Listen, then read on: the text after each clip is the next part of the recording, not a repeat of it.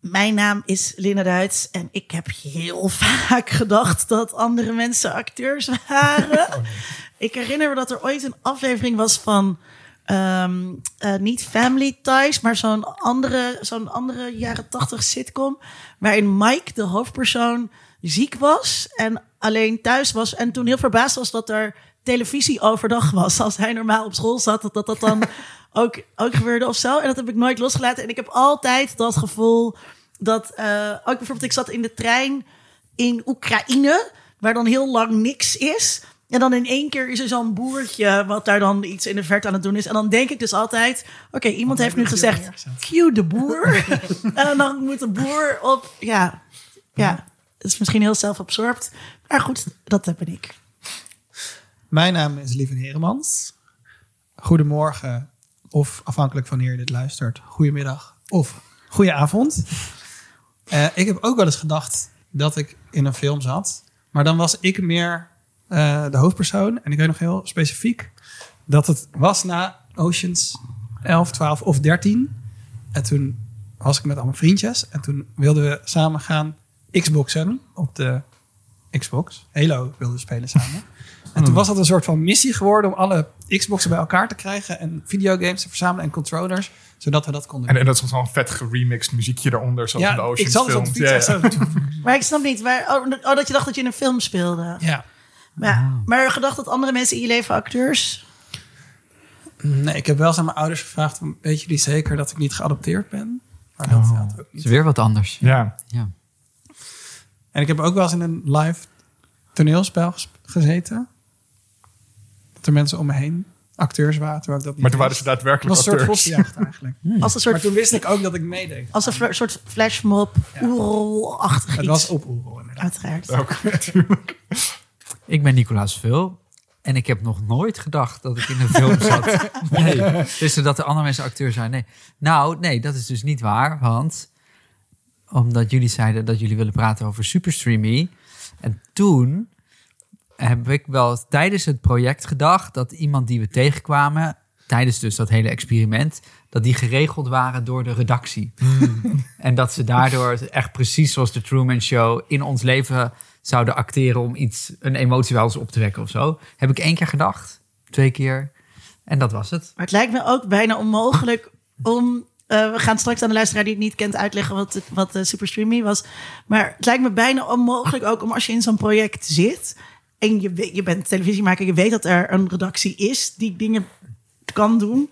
Lijkt me bijna onmogelijk om dan niet die gedachten te hebben. Nee, dat is echt zo. Ja, Ja. En Tim dacht dat helemaal. Die dacht echt dat er van alles, eh, alles gebeurde achter de schermen. Maar er gebeurt natuurlijk ook een heleboel achter de schermen, altijd. Maar dit keer ingrijpen hoorde er niet bij. Want we vonden dat het eh, ja, niet ethisch en niet tof voor het experiment. En hadden jullie dat van tevoren ook afgesproken? Ja. Ja, Ja. ja. ja. Ja. Ja, alles wat je kon bedenken, afspreken, hebben we van tevoren wel afgesproken. Oké, nou daarover later dus meer. Uh, mijn naam is Tom Aalmoes en ik heb niet wel eens gedacht dat andere mensen acteurs waren, maar wel zo'n soort van. Nooit? Heb je dat nooit gedacht? Nee, maar, maar wel zo'n van die vage Tom, ideeën dat er een soort We van. moeten je iets vertellen. Oh nee! Dit is een fictiepodcast. Shit. Uh, een podcast over de Truman Show, dat zou denk ik niet zo werken. Goed. Oké. Dat je overal microfoontjes verstopt. Ehm, nee, maar ik heb wel, wel eens gedacht van die ideeën van... alle andere mensen zijn nu iets aan het doen en ze vertellen het mij niet. Zo'n zo'n zo'n gedachte, maar dat is dan, als je dan heel dronken Maar bent. wat, is wat het- dan? Ja, dan nou, gewoon iets soort van vaags. Van, er is iets mis. Maar Maar wil je dan, Ja. al mijn vrienden zijn nu op een feestje en ze hebben mij niet ja, uitgenodigd? zo, zoiets. Zo'n zo'n zo'n onzekerheid. Die je dan Ja. Maar Ja. ik, ik vind het dus gewoon een te onwerkelijk idee om te bevatten dat er, ik bedoel, hoeveel mensen zijn er op de wereld? 8 miljard ondertussen. Zoiets. Dat al die mensen allemaal eigen levens hebben. Dat vind ik, dat is zo groot. Dat het logischer is om te Dat dat allemaal om jou dat, Ja. dat, er een, dat er een computersimulatie of iets dergelijks gaande is die om mij draait. Ja. Heb je, ja? Ja, maar dat is dan ook. Maar tegelijkertijd weet je ook wel dat het. te- Tegelijkertijd is het een even belachelijke gedachte. Dat alle andere mensen om jou heen met elkaar aan het samenspannen zijn om jou. Dat is echt ook een soort narcistische, Dat is gigantisch narcistisch. narcistische spookfantasie of zo. Ja. Ja. Nou, ja. Welkom. Ja, ja. Nou, oké, precies. ja toch? Waarom denk je dat Ja. iedereen met jou bezig is? Ja, Dat is een gekke gedachte, in wezen. ja, dat is best best vreemd. Maar het is wel een beschreven ehm, psychiatrische aandoening. Ja, de Truman Show waan. Delusion. Ja. Ja. Ja. maar dat zal vast wel iets met in de geest ook van narcisme zelf Ja, maar ook met angststoornissen wel, denk ik. Ja. Ja. Oké, ik zit er gewoon bij nog, hè? Amateur psychiater. Oké.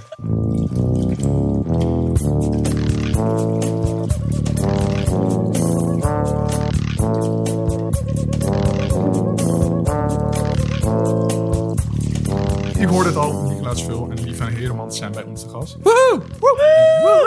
Nicolaas is programmamaker, vaak bij de VPRO, of altijd? Ja, altijd. Altijd bij de VPRO. En vaak met Tim den Beste. Ja. Eh, onder andere van Beastie Boys, Autopia Beastie Boys. en Bisnicht. En binnenkort dus 100 dagen in je hoofd. Ja, Wanneer gaat dat uitkomen? 21 oktober. Oké, en jullie zijn nu bezig met de montage Ja, we zitten daarvan. nu in de edit. We zijn Wat hebben jullie gedaan?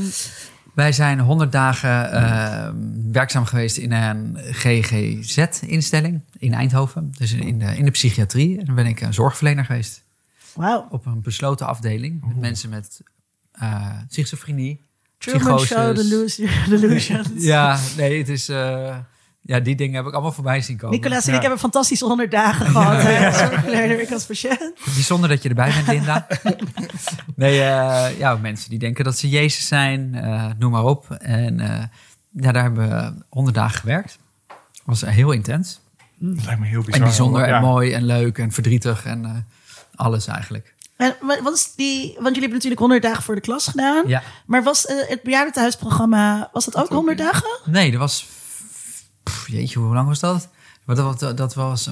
toen woonden we echt in het bejaardentehuis voor zes weken. Ja. Oh, Ja. dat is ook echt wel lang om dan echt non-stop... Ja, dat is bezig heel heftig. zijn. Ja, met, Ja. met z'n tweeën ook op één kamertje en zo. Dat was echt... eh, wat een hel. Jullie zijn wel echt de hele tijd bezig met van... hoe kunnen we echt een zo zwaar mogelijk emotioneel en fysiek ding doen... Ja, en, en dat dan ondergaan. ja, ja, ja. ja. Heftig hoor. Daar scheppen we echt lol in. En jezelf in een andere realiteit plaatsen. Ja, en ook gewoon, het is zeg maar nu met het 100 dagen, dan ga je. Kijk, het is niet een creatief idee aan zich dat mensen een baan gaan doen voor de televisie die ze niet kunnen. Weet je wel? Dat, bedoel, dat, eh, dat hebben ze al duizend keer gedaan. Maar toen dachten we, ehm, het is natuurlijk wel heel tof om ergens heel lang embedded te zijn. En dat je echt de tijd hebt ook om het meer documentair aan te pakken. Ja. Dus dat is wel. ehm, en door het zelf te doen, weet je wel, niet even we komen een dagje stage lopen, maar echt dat vak te leren, kom je ook veel dichter bij de mensen, kom je veel dichter bij het hart van mensen, maar ook van het vak. En dan ga je dat veel beter en dieper begrijpen. En dan kan je er ook echt iets over zeggen. Dat was zo leuk met 100 dagen voor de klas, waar eh, Tim aan het begin zei: Oh, ik doe dat wel even, want ik kan dat. En eh, ik ben zo iemand die daar, eh, die, die, ik denk gewoon aan de docenten die ik leuk vond. En ik was zelf een lastige jongen, dus hoppakee. Ja. En jij was een soort van overvoorbereid. Ja, Veel te veel op de lesstof ingegaan en zo. En eh, Tim sloeg best wel, nou, niet een modderfiguur, maar dat het zwaar. Die had het zwaar voor ja. zijn groep. ja. Ehm, en en eh, jij, ja, wat, ik vond het een contrast tussen die twee dingen zo leuk. En omdat het ook laat zien dat docenten heel verschillend zijn. En dat het heel duidelijk laat zien, eh, daar, dat vond ik echt de waarde van de serie. Dat docent zijn is een ambacht. ja. En dat doe je niet even zomaar. Nee. En ook nu weer, hè, er, zijn, er is een enorm tekort aan docenten. Eh, en het beroep wordt heel laag gewaardeerd, heeft een lage status. En wat doet onze regering? Die zegt, oh, dan zetten we gewoon niet gekwalificeerde mensen voor de klas. Ja, oh, dan krijgt het nog lage status. En juist jullie serie laat zo duidelijk zien... eh, dat je het dus niet zomaar Ja. even doet. Ja. Ja. Ja. Maar tegelijkertijd vond ik er ook wel heel mooi aan. eh, eh, ik heb zelfs twee jaar docentenopleidingen gedaan voordat ik dan naar de universiteit ging. ja. En Oh dat vergeet ik altijd. het, het deed me heel erg denken aan wat ik het, zo van het allermooiste vond aan het voor de klas staan. En mijn stages die ik me herinner en op zo'n middelbare school rondlopen. Eh, en ik zat bijna met zo'n gevoel van ik wil hier bijna heen. Tegelijkertijd ook eh, wat ik er niet leuk aan vond. En waarom ik het waarschijnlijk niet zou Wat kunnen. dan, nu. wat dan Ja, Tom? ja, ja.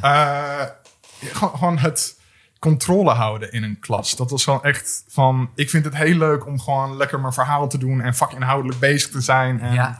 en dat kinderen daar dan hopelijk mee meekomen. Maar het orde handhaven, Ja. het, het De je ruimte innemen... eh, dat, ah, daar, kan ik niet echt mee. Ik- Ja. ik- als iemand dan terug tegen me praat, dan zou ik zo van wegsmelten. Ja, ja, ja, ja. Het is ook echt heel spannend. Ja. Je moet het ook echt veel doen om daar gedreven in te worden. denk En ik. jullie hebben van tevoren ja, best wel voorbereid. Jullie hebben les gehad in hoe je les geeft. Ja, hadden, ik had een, eh, ja, zo'n cursus van, wat duurde anderhalve week, non-stop eh, oefenen, ook les al geven, meedraaien. Ja. Ja, het is niet een enorme voorbereiding, maar het was wel een gedegen voorbereiding. Ja. Ja.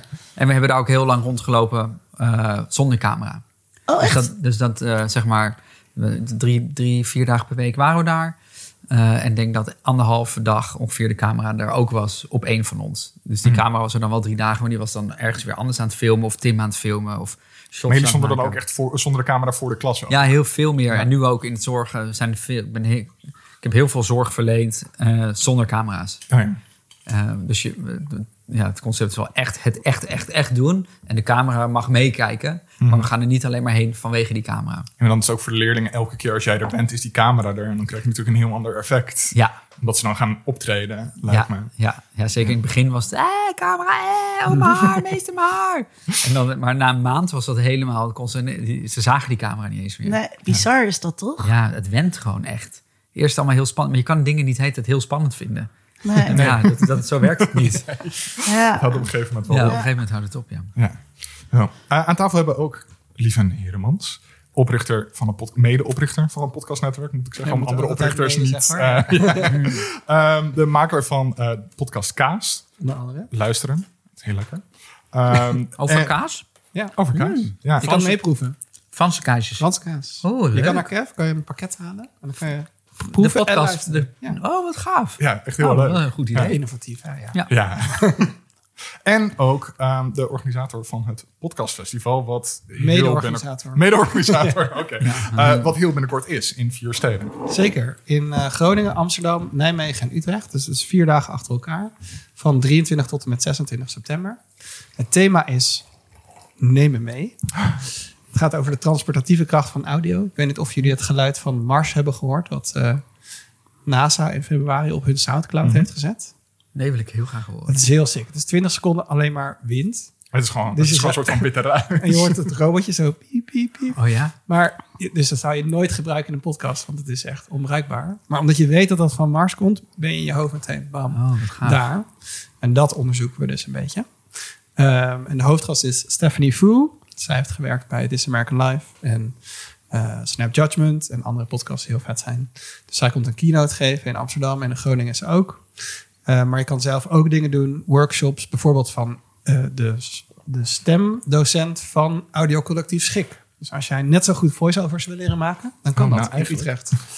Of storyboarding, ja, je kan het zo gek niet verzinnen. Of je kan eh, ook zelf leren podcast maken. Want dat, Maar als ik het goed begrijp, dan kan je dus overdag eh, allemaal workshops volgen. Als je zelf graag podcastmaker wil worden. slag, ja. Maar wat als je gewoon podcastluisteraar bent en graag makers ontmoet? Ja, dat kan dan s'avonds. In, een, eh, in, Gro- in Groningen is het in Forum. In Amsterdam is het Forum. Forum. Groetjes aan Martijn. Goed zo, Martijn. Als je luistert. Ehm, in Amsterdam is Martijn het... in Rotgers is programmamaker bij Groninger Forum. Ja, en daar willen jullie... Daar doen we de goedjes aan. Ja, Oké. bij deze. Daar willen jullie iets van. Nee. Nee, oh. Ja, ja, ja. Hij is gewoon een hele aardige jongen. Oh, Dat oké. Tijn. Onconditionele groetjes. Ja. Eh, vrijdag is het in Amsterdam in de Tolhuistuin. Dus daar heb je allemaal verschillende live shows. Bijvoorbeeld van NRC Vandaag of met Nerds om tafel. Oh, leuk. Eh, we hebben ook een pitchwedstrijd. Als je nu luistert, kan je nog tot morgen insturen, toch? Als het zaterdag uitkomt. Ja, het komt zaterdag uit. Deadline is 12 eh, september. Je kan een pitch insturen voor als je een podcast idee hebt. In de categorieën eh, fictie. Dan word je gekoppeld aan Topcast Media. Verhalend journalistiek aan Dag en Nacht Media. Daar werk jij het om. En je kan ook een... eh, In tilt. Ik, ik, doe hier, ik doe hier zelf niet aan mee. Ik heb er niks mee. ja, nou ja, wie weet werk je straks met jou samen. Eh, of een talkshow. En je wordt dus gekoppeld aan een, aan een productiehuis. Dus Topcast Media, als je wint. Hè? Je kan, niet iedereen kan winnen, maar we hebben wel drie winnaars. Eh, dus talkshow wordt gekoppeld aan Dipsaus. Topcast Media is eh, fictie. En dan verhalen journalistiek, dag en nacht media. En je krijgt ook een opnameapparaat, een Zoom P4. En natuurlijk de kans om in 2022 je podcast in première te laten gaan op het volgende podcastfestival. Heel Tot zover de vooruitblik. En dan niet terug. En dan nu naar de terugblik. Eh, want zoals altijd blikken we altijd even terug op wat we de laatste tijd zo al gezien en gelezen hebben. Eh lief, kan ik gelijk met jou doorgaan? Dat kan. Ehm, even kijken hoor. Scrollen, scrollen. Ik heb, jij weet het al, nee, jij weet het ook al. Ik heb hem hier zelfs mee naartoe genomen. Ik heb sinds januari was ik bezig om een PlayStation 5 te kopen. Dat is in mei of juni gelukt. dus eh, daar ben ik heel blij mee. Ik ben nu aan het spelen eh, Fallen Order. Nee, Lost Order. Fallen Order. Fallen Order. Toch? Ja, Van Jedi. Fallen Order. Ja, Jedi. Oh, ja. Star Wars spel. Heel oud spel eigenlijk. PlayStation 4 spel. Ja, maar ik moest het nog spelen. En ik ben nu bij een hele moeilijke baas waar ik maar niet voorbij kom. Dus dat is jammer. Ehm, dus dat heb ik erg van genoten. Mhm. En Wat is de, wat is de, wat doe je in Jedi Fallen Order? ja, je bent een eh, Jedi. Want, en want de order is gevallen. Want de orde is gevallen. Ik weet even niet waar wanneer het precies speelt. Het, het is vijf jaar na Na- episode drie. Ja, volgens mij. Er gebeurt wel veel tussen episode 3 en episode Echt 4. heel Ja, daar kan je Ja. alles in kramen. Ja, oké. Is dat ook dat de Jedi-school dan doodgaat? Ja, ja, ja. Ja, dus dat is dan gevallen. Ja. En dan is er een soort van geheimzinnige man. En die heeft dan een soort van geheime, ja, geheime plek... waar dan iedereen, alle kindjes weer naartoe kunnen gaan... om toch weer Oh, ja? Te worden. Ook Ja. Baby Yoda. Ook Baby Yoda, maar die zit er niet in. Misschien. ja. Ehm, en je wordt steeds beter en je moet eh, met force en hakken en keuzes maken welke force je gaat gebruiken. Dat is natuurlijk eigenlijk in elk Star Wars spel. En ook veel klimmen en dingen doen. Eh, maar ja, het is echt... eh, Het Ja, voelt heel erg alsof je echt een Jedi bent. is echt Het- sick. je powers zijn net even wat sterker dan alles wat je in de film te zien krijgt. Dus het is net even wat extremere bliksem en net even wat extremere force push. ik heb nog geen bliksem. Kut. Volgens mij kan het wel. Ja. Ja? Eh, ja, en het is eh, ook best uitdagend eigenlijk, vind ik. Ja. Eh, vooral de monsters verslaan. Dus, eh, maar goed, de PlayStation is gewoon eh, echt chill. Ben je verliefd op je PlayStation was ik 5? vergeten, ja. Hij staat heel midden in gegeven? de... Ja, Hij staat heel mooi midden in de kamer. Ja, ik heb hem gezien. Het is echt gigantisch. Hij is huge. Echt? Ik dacht eerst het is lelijk, maar het is ook weer niet zo lelijk. Oké. Het is zo lelijk. Maar is dat gewoon omdat je er zoveel van het apparaat houdt dat je dan de flaws... Nou, het lijkt een beetje op eh, het architectuur van Zaha Hadid. Eh, wel. en we waren in ehm, de hoofdstad van eh Azerbeidzjan. Dat Baku. is Baku. eh, waar we de wonderschone architectuur van haar bewonderd hebben. Oké. Maar zij is eh, wereldwijd een heel bekende architect. Ze is overleden een paar jaar terug. Die veel met wit werkte, denk ik, in haar werk. Eh, dat is één. En het andere ding waar ik van heb genoten, is heel raar. Ik kon dus de Truman Show legaal kijken. Want ik had Amazon Prime. Het staat gewoon op Prime. Ja. Eh, en dat Dan had moet ik je wel genomen. 3,99 betalen. Ja, ja. 3 euro per maand. Ja, ik had het Nee, nee, nee. Extra. Deze, je moest extra betalen. Ik heb hem uh, um, ergens anders dus door de mand, ik wist niet dat ik hem daarvan kijk, dus ik heb hem ergens anders gekeken. Maar je zit dit gewoon te liegen. Het is een leugen. Ik kon het doen. Ik worden Nogal leugens leugen. Ja. Avond vol leugens en bedrog. eh, Je hebt hem dus ook gewoon gedownload. Maar je staat ook op ik staat had hem ook nog op. DVD uit 1998. Ehm, toen had je toen al DVD's? Vertel gewoon door. Ik had Amazon Prime, omdat ik de Oost wilde kijken. Toen had ik dat gratis, een maand gratis. Toen liep het de hele tijd door, maar keek ik het niet. En toen werd ik getarget de hele tijd op Twitter voor Clarkson's Farm. Oké. Zegt u dit iets? Nee. Het is Jeremy Clarkson uit Top Gear. Oh nee. Toen ik zeg maar 12 was, keek ik dat omdat er niet echt andere Toen je nog niet door had dat het een racistische seksist was. Ja, hij is, is inderdaad heel En erg waarschijnlijk ook homofoob. En we weten niet al die over trans mensen denkt, maar waarschijnlijk ook niet heel goed. Waarschijnlijk wil je het niet Oh. weten. En hij heeft een Dus dat boerderij. is, dat is het problematische aan de serie. Van, hij is wel geestig, maar hij is een vervelende persoon. Maar het boeiende daaraan is dat hij dus een hele grote farm heeft in het, ergens in, midden in Engeland. En hij gaat dan dus zijn farm, eh, ja, hij gaat boer worden. Dus het eerste wat hij doet is de allergrootste Stardew Lamborghini, Valley. de allergrootste Lamborghini truck, of, ja, truck kopen die die vrachtwagen, nee, vrachtwagen heet dat? Tractor. Een tractor kopen. Heeft die die kan Lamborghini vinden. tractors? Ja, maar echt Ja. heel sick. En, maar die past natuurlijk nergens in of op. Het slaat helemaal nergens op. En hij gaat, ja, het is best wel boeiend, want je leert gewoon over hoe hard werken boeren eigenlijk is.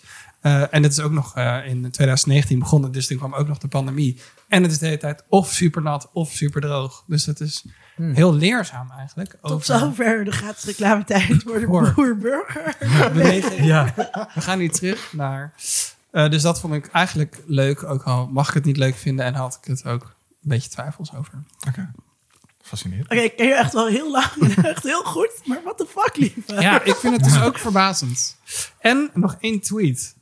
Eh, Ik weet niet of je die gezien hebt, maar Will Smith heeft dan verteld, vertelt hij dat hij de rol van Neo heeft uh, Ja, ja, afgegeven. Ja, ja.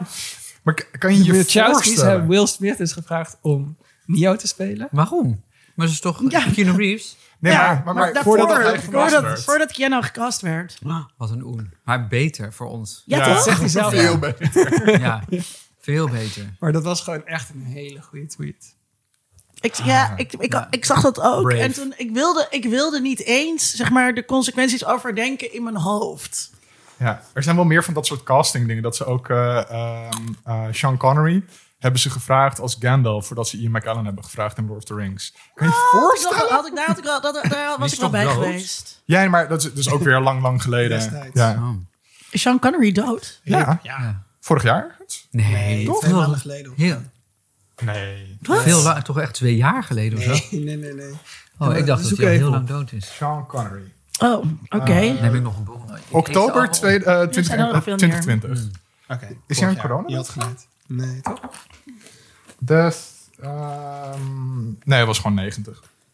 Was Sean Connery 90? Longontsteking en hartfalen. Ach, Ach, Oké. ach, veel te jong Longontsteking kan ook over het zijn, hè? gegaan. Ja, Als je, afhankelijk van of je gelooft dat de COVID hij was wel de beste bond. ja. Ja, dat denk ik ook. Ja. Maar dat is ook iets voor de Bond-aflevering die we nog moeten gaan maken. Ja. ja. Alsof jij ooit een bond aflevering gaat Er komt een nieuwe. Zeker. Ik heb echt heel veel. Bondfilms gezien. En ik moest twijfelen, want ik vond altijd Alain Delon heel knap. Is dat ook een bond? Ja, dat is toch ook een Bond? Nee, ik ben in de war. Nee. Pierce Brosnan. Timothy. Tim, nee, die Dalton? ander. Nee, die ja, voor. toch? Die met de snor nu? Nee, ik, Ja. ga het- ik, ga het wel, ik ga het wel opzoeken. Oh, maar ik moet zeker eerst mijn terugblik doen. Oké, Nee, ik, ik ga wel eerst naar doe Nicolaas. jij eh. eerst. Oké. Nicolaas, heb jij iets gezien wa- waarop jij terug wil blikken? Ja, ik, ehm, ik had me niet voorbereid. Mhm. eh, Dus ik wist niet deze vraag. Ehm, maar Maar wat heb je recent gezien? recent... Een film, een musical. Ik heb net RuPaul de, de finale gekeken. Echt net toen, voordat ik hier naartoe kwam. Van All Star seizoen 6. Ja, het Ja, oké. niet van, want ik heb nog, ik heb alleen maar die, die Ja. ga je niet spoilen op, eh, op eh, Holland. Nee. Oh, en, eh, Nee, maar Holland is nog niet afgelopen. Nee, die is ook erg leuk, Holland. Ja. Daar ben ik erg van aan het genieten. Maar ehm, wat ik nu ook kijk is Nine Perfect Strangers. Maar wat vond je van eh eh All Star seizoen 6? Ja, wel leuk. Ja? Ja, het begint niet zo. Ik, eh, eigenlijk tegenwoordig dan skip ik de eerste vier, vijf afleveringen. Ja. Nou, dan kijk ik E- de, e- Even de trash eruit. ja, ik kijk de eerste aflevering. Daarna denk ik, meh. En dan, dan de eerste vijf, vier moeten eruit. En dan ga ik weer kijken. Ja. Ik kijk al tijdens het eten met mijn vriend. Dus het is een soort van gewoon gezellig. Ja. Maar ik ben niet meer zo... eh, vroeger kon ik wel een seizoen hebben dat ik denk... Jezus, wat goed. Ja. En dat heb ik nu niet meer met deze All-Stars. Dacht ik wel leuk, maar niet, het zat niet vol verrassing of zo. We hebben net eh, in de zomer hebben een Pride-aflevering van Kiki Dingen opgenomen over, eh, over de franchise RuPaul. En ik heb dus, ehm, ja, ik, ik vind dus Holland weer heel leuk. Ook omdat ik eh gewoon Fred van Leer vind dat hij het leuk doet en het is wel andere input en zo. Ja. Maar ik vind het dus allemaal een beetje tired as showgirl. Dus dan RuPaul, weet je, allezelfde grapjes weer, Ja, ja, ja, ja. allezelfde. En dan komt iedereen weer opdraven. En bij deze queens had ik een beetje het idee dat het een soort bezemklasje was. En we willen wat meer recht doen aan trans mensen, want daar zijn we onaardig over geweest. We willen wat meer recht doen aan dikke mensen, want zijn Ja. we on- het is een hele polycor- polycore, ja, dat- polycore dat bezemklasje. een- Ja, een- ja, een- ja. een sorry voor de foutjes. Ja, Toch? Dat is dan wat het is. Dat wil je ook niet. ja, dat... ehm, Ja, maar, ze doen het toch. Ja. Ja, ik bedoel, je kan, ook, je kan het dan ook niet doen. Dat maar, is waar, dat is waar. Dat Ja. is helemaal waar, ja. Ja, Ja. maar dus ik vond het een mooi seizoen. Eh, ik, ik ben ook erg aan het genieten van eh, Drag Race Holland. Daar moet ik erg om lachen. En wat heb ik nou nog meer? Oh ja, en ik heb dus net Nine Perfect Strangers gekeken van, met Nicole Kidman op Amazon. Oh ja. Een nieuwe serie. En heeft Nicole Kidman is dan een soort secteleidster van een hele dure rehab. En daar komen dan... Oh shit, ik moet aantekening maken. Waarom? Dit, Ja, dat moet in show notes. Oh, dit gebeurt werkelijk elke altijd. aflevering. ik laat het er ook gewoon in zitten voor een keertje. Ja, praat, rustig. oké. En, ehm, en het, ik vind het wel een interessante... Het is, niet, het is niet perfect, de serie. Dus er zitten wel wat haken en ogen aan. De storytelling is soms een beetje wobbly. Maar je denkt toch, waar gaat dit heen? Ehm, en de, acte- de acteurs zijn echt fenomenaal. Ehm, dus daar kijk ik nu graag naar. Het vind ik wel een tip. Maar het is niet perfect. Het is niet dat je denkt, wauw, wat een serie. Je denkt soms een beetje, ah, wat gaan ze doen? Maar dan pakt het je toch weer. Ja, maar dat Ja. heb je heel vaak met dat soort mystery-series. Dat je er gewoon in zit en dat je zit van... En nou wil ik het weten ook. Ja, maar dan is het wel best wel. Soms, soms is het, eh, zijn de acteerprestaties dan weer van een heel hoog niveau. En daar werden we dan wel weer enorm door verrast. Dat we dachten, wow. Dus in potentie is het echt een epische serie, maar het komt niet uit de verf. Nee. Het heeft wel zijn mooie momenten. Punt. Punt. Linda. Yes. maar ik ben erbij. Oké, ik ben erbij. Waar zijn mijn eigen aantekeningen? Eh, Oké, ja. ehm, ik heb gekeken naar... eh, ik heb van alles gekeken deze zomer, ook weer niet heel erg veel. Eh, maar ik wil twee dingen aanraden. En de eerste is eh, op Netflix. eh, Never Have I Ever. Een hele leuke serie waarvan al twee seizoenen uit zijn. Gaat, oh, het is een high school serie eh, waar, ik, eh, waar ik heel erg van hou. En het gaat over eh, een... meisje dat niet per se de juiste keuzes maakt. Of niet per se het aardigst is op school. Of het populairst of zo. Dus het voelt heel echt. Eh, dat ze dus ook soms gewoon ook een, ook gewoon een slechte vriendin is voor haar vrienden. Eh, maar zij eh, maakt puberontwikkelingen door. Dus eh, ze, ze gaat naar de. Ze, ja, ze gaat dan. ze zit dan in de klas en dan zegt ze. eh, wij moeten ook populair worden. En ik wil ook graag een knap vriendje krijgen. Ze maakt een soort eh, lijst van allerlei dingen die ze, wil gaan doen. En dan ontvouwt zich middelbare schooldrama. Eh, en, en dat er werkt, werkt echt heel goed. Het is super sympathiek.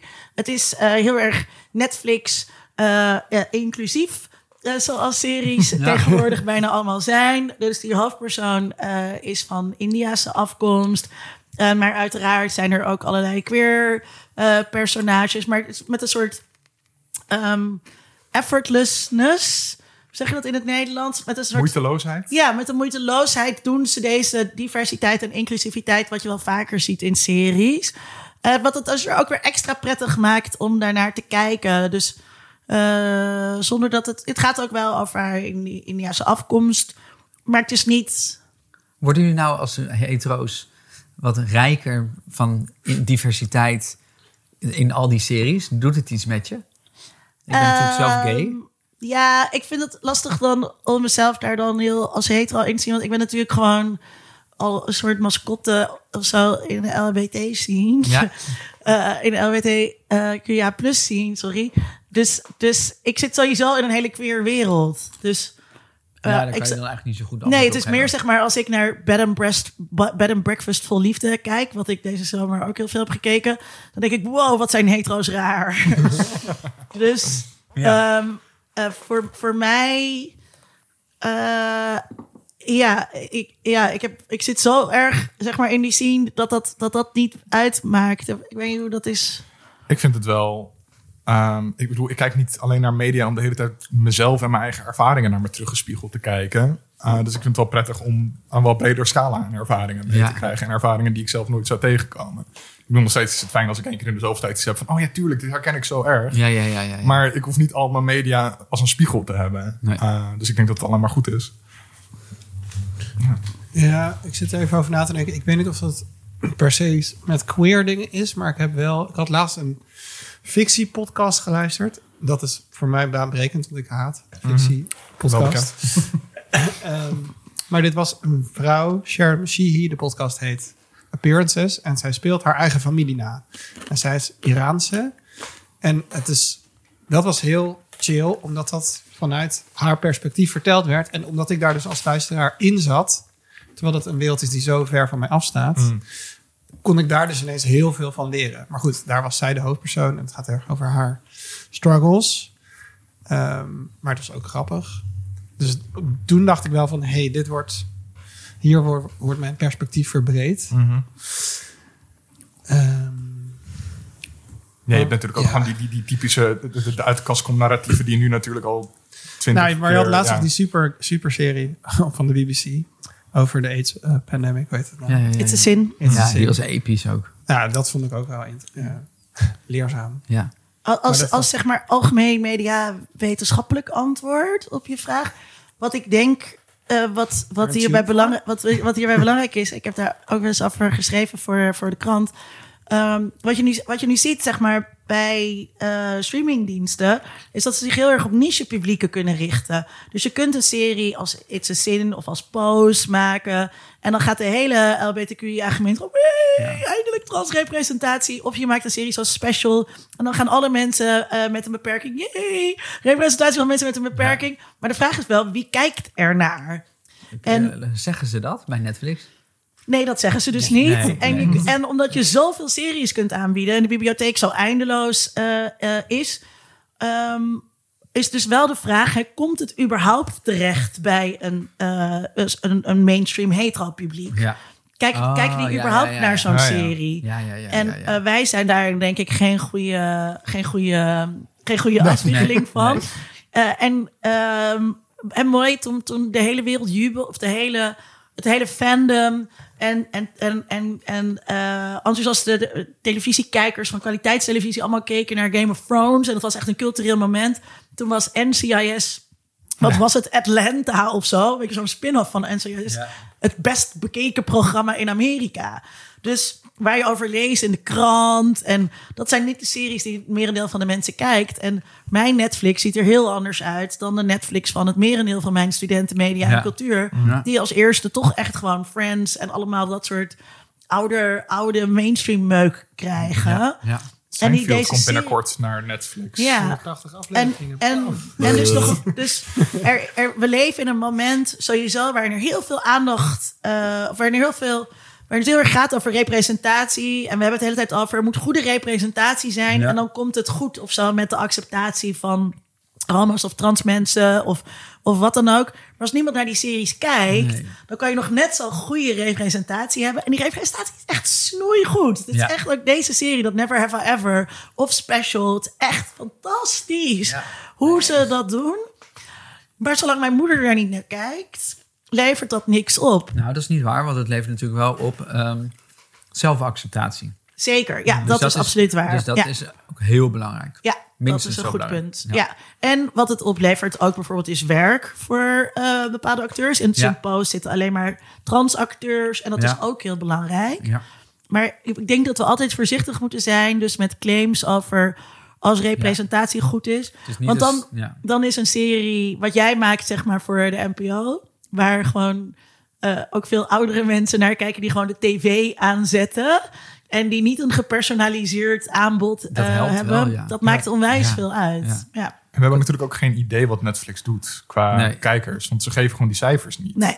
En ik krijg Ah, heel ja. vaak berichtjes ook, mensen die dan Pisnicht de movie per ongeluk hadden gezien.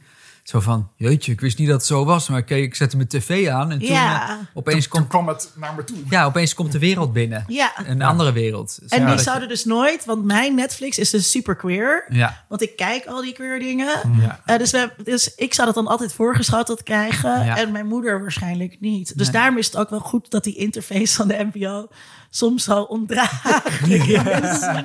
Dankjewel, NPO. Ja, maar dat scho- schotelt dus wel die dingen voor. Ja, ja, gelukkig, ja. Of dat er. Misschien is er eh, wel heel vlak erg voor- over nagedacht. Ja. Dat er vlak voor Bed and Breakfast Vol Liefde een, eh, een aankondiging zit voor een programma dat jij maakt. Ja, ja, dat is echt zo, ja. Ja. Ik moet nog heel even één iemand zeggen. Want ja, ik had me niet voorbereid. Dus ik schiet net iemand in mijn hoofd. Helemaal goed. Er is een, eh, een, een schrijver en performer. En die heet Alok. Die is, ehm, het is, dan moet ik even goed zeggen. Alok is een geweldig persoon. Die eh, zich niet conformeert naar de gender Norman. normen. Ehm, en deze persoon geeft, is denk ik de meest, het meest wijze mens dat ik ooit heb horen praten in podcasts.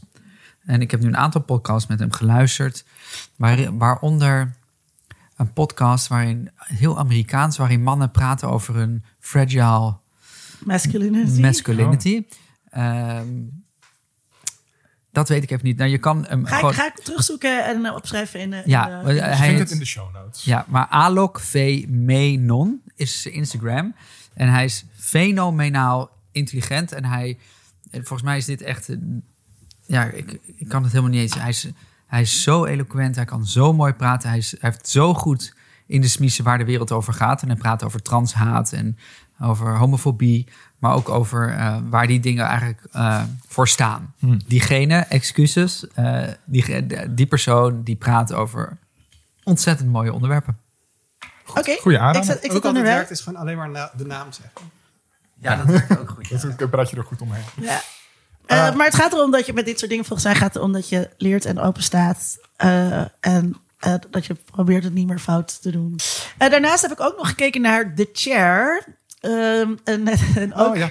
ook een Netflix-serie Hmm. met Sandra Oh.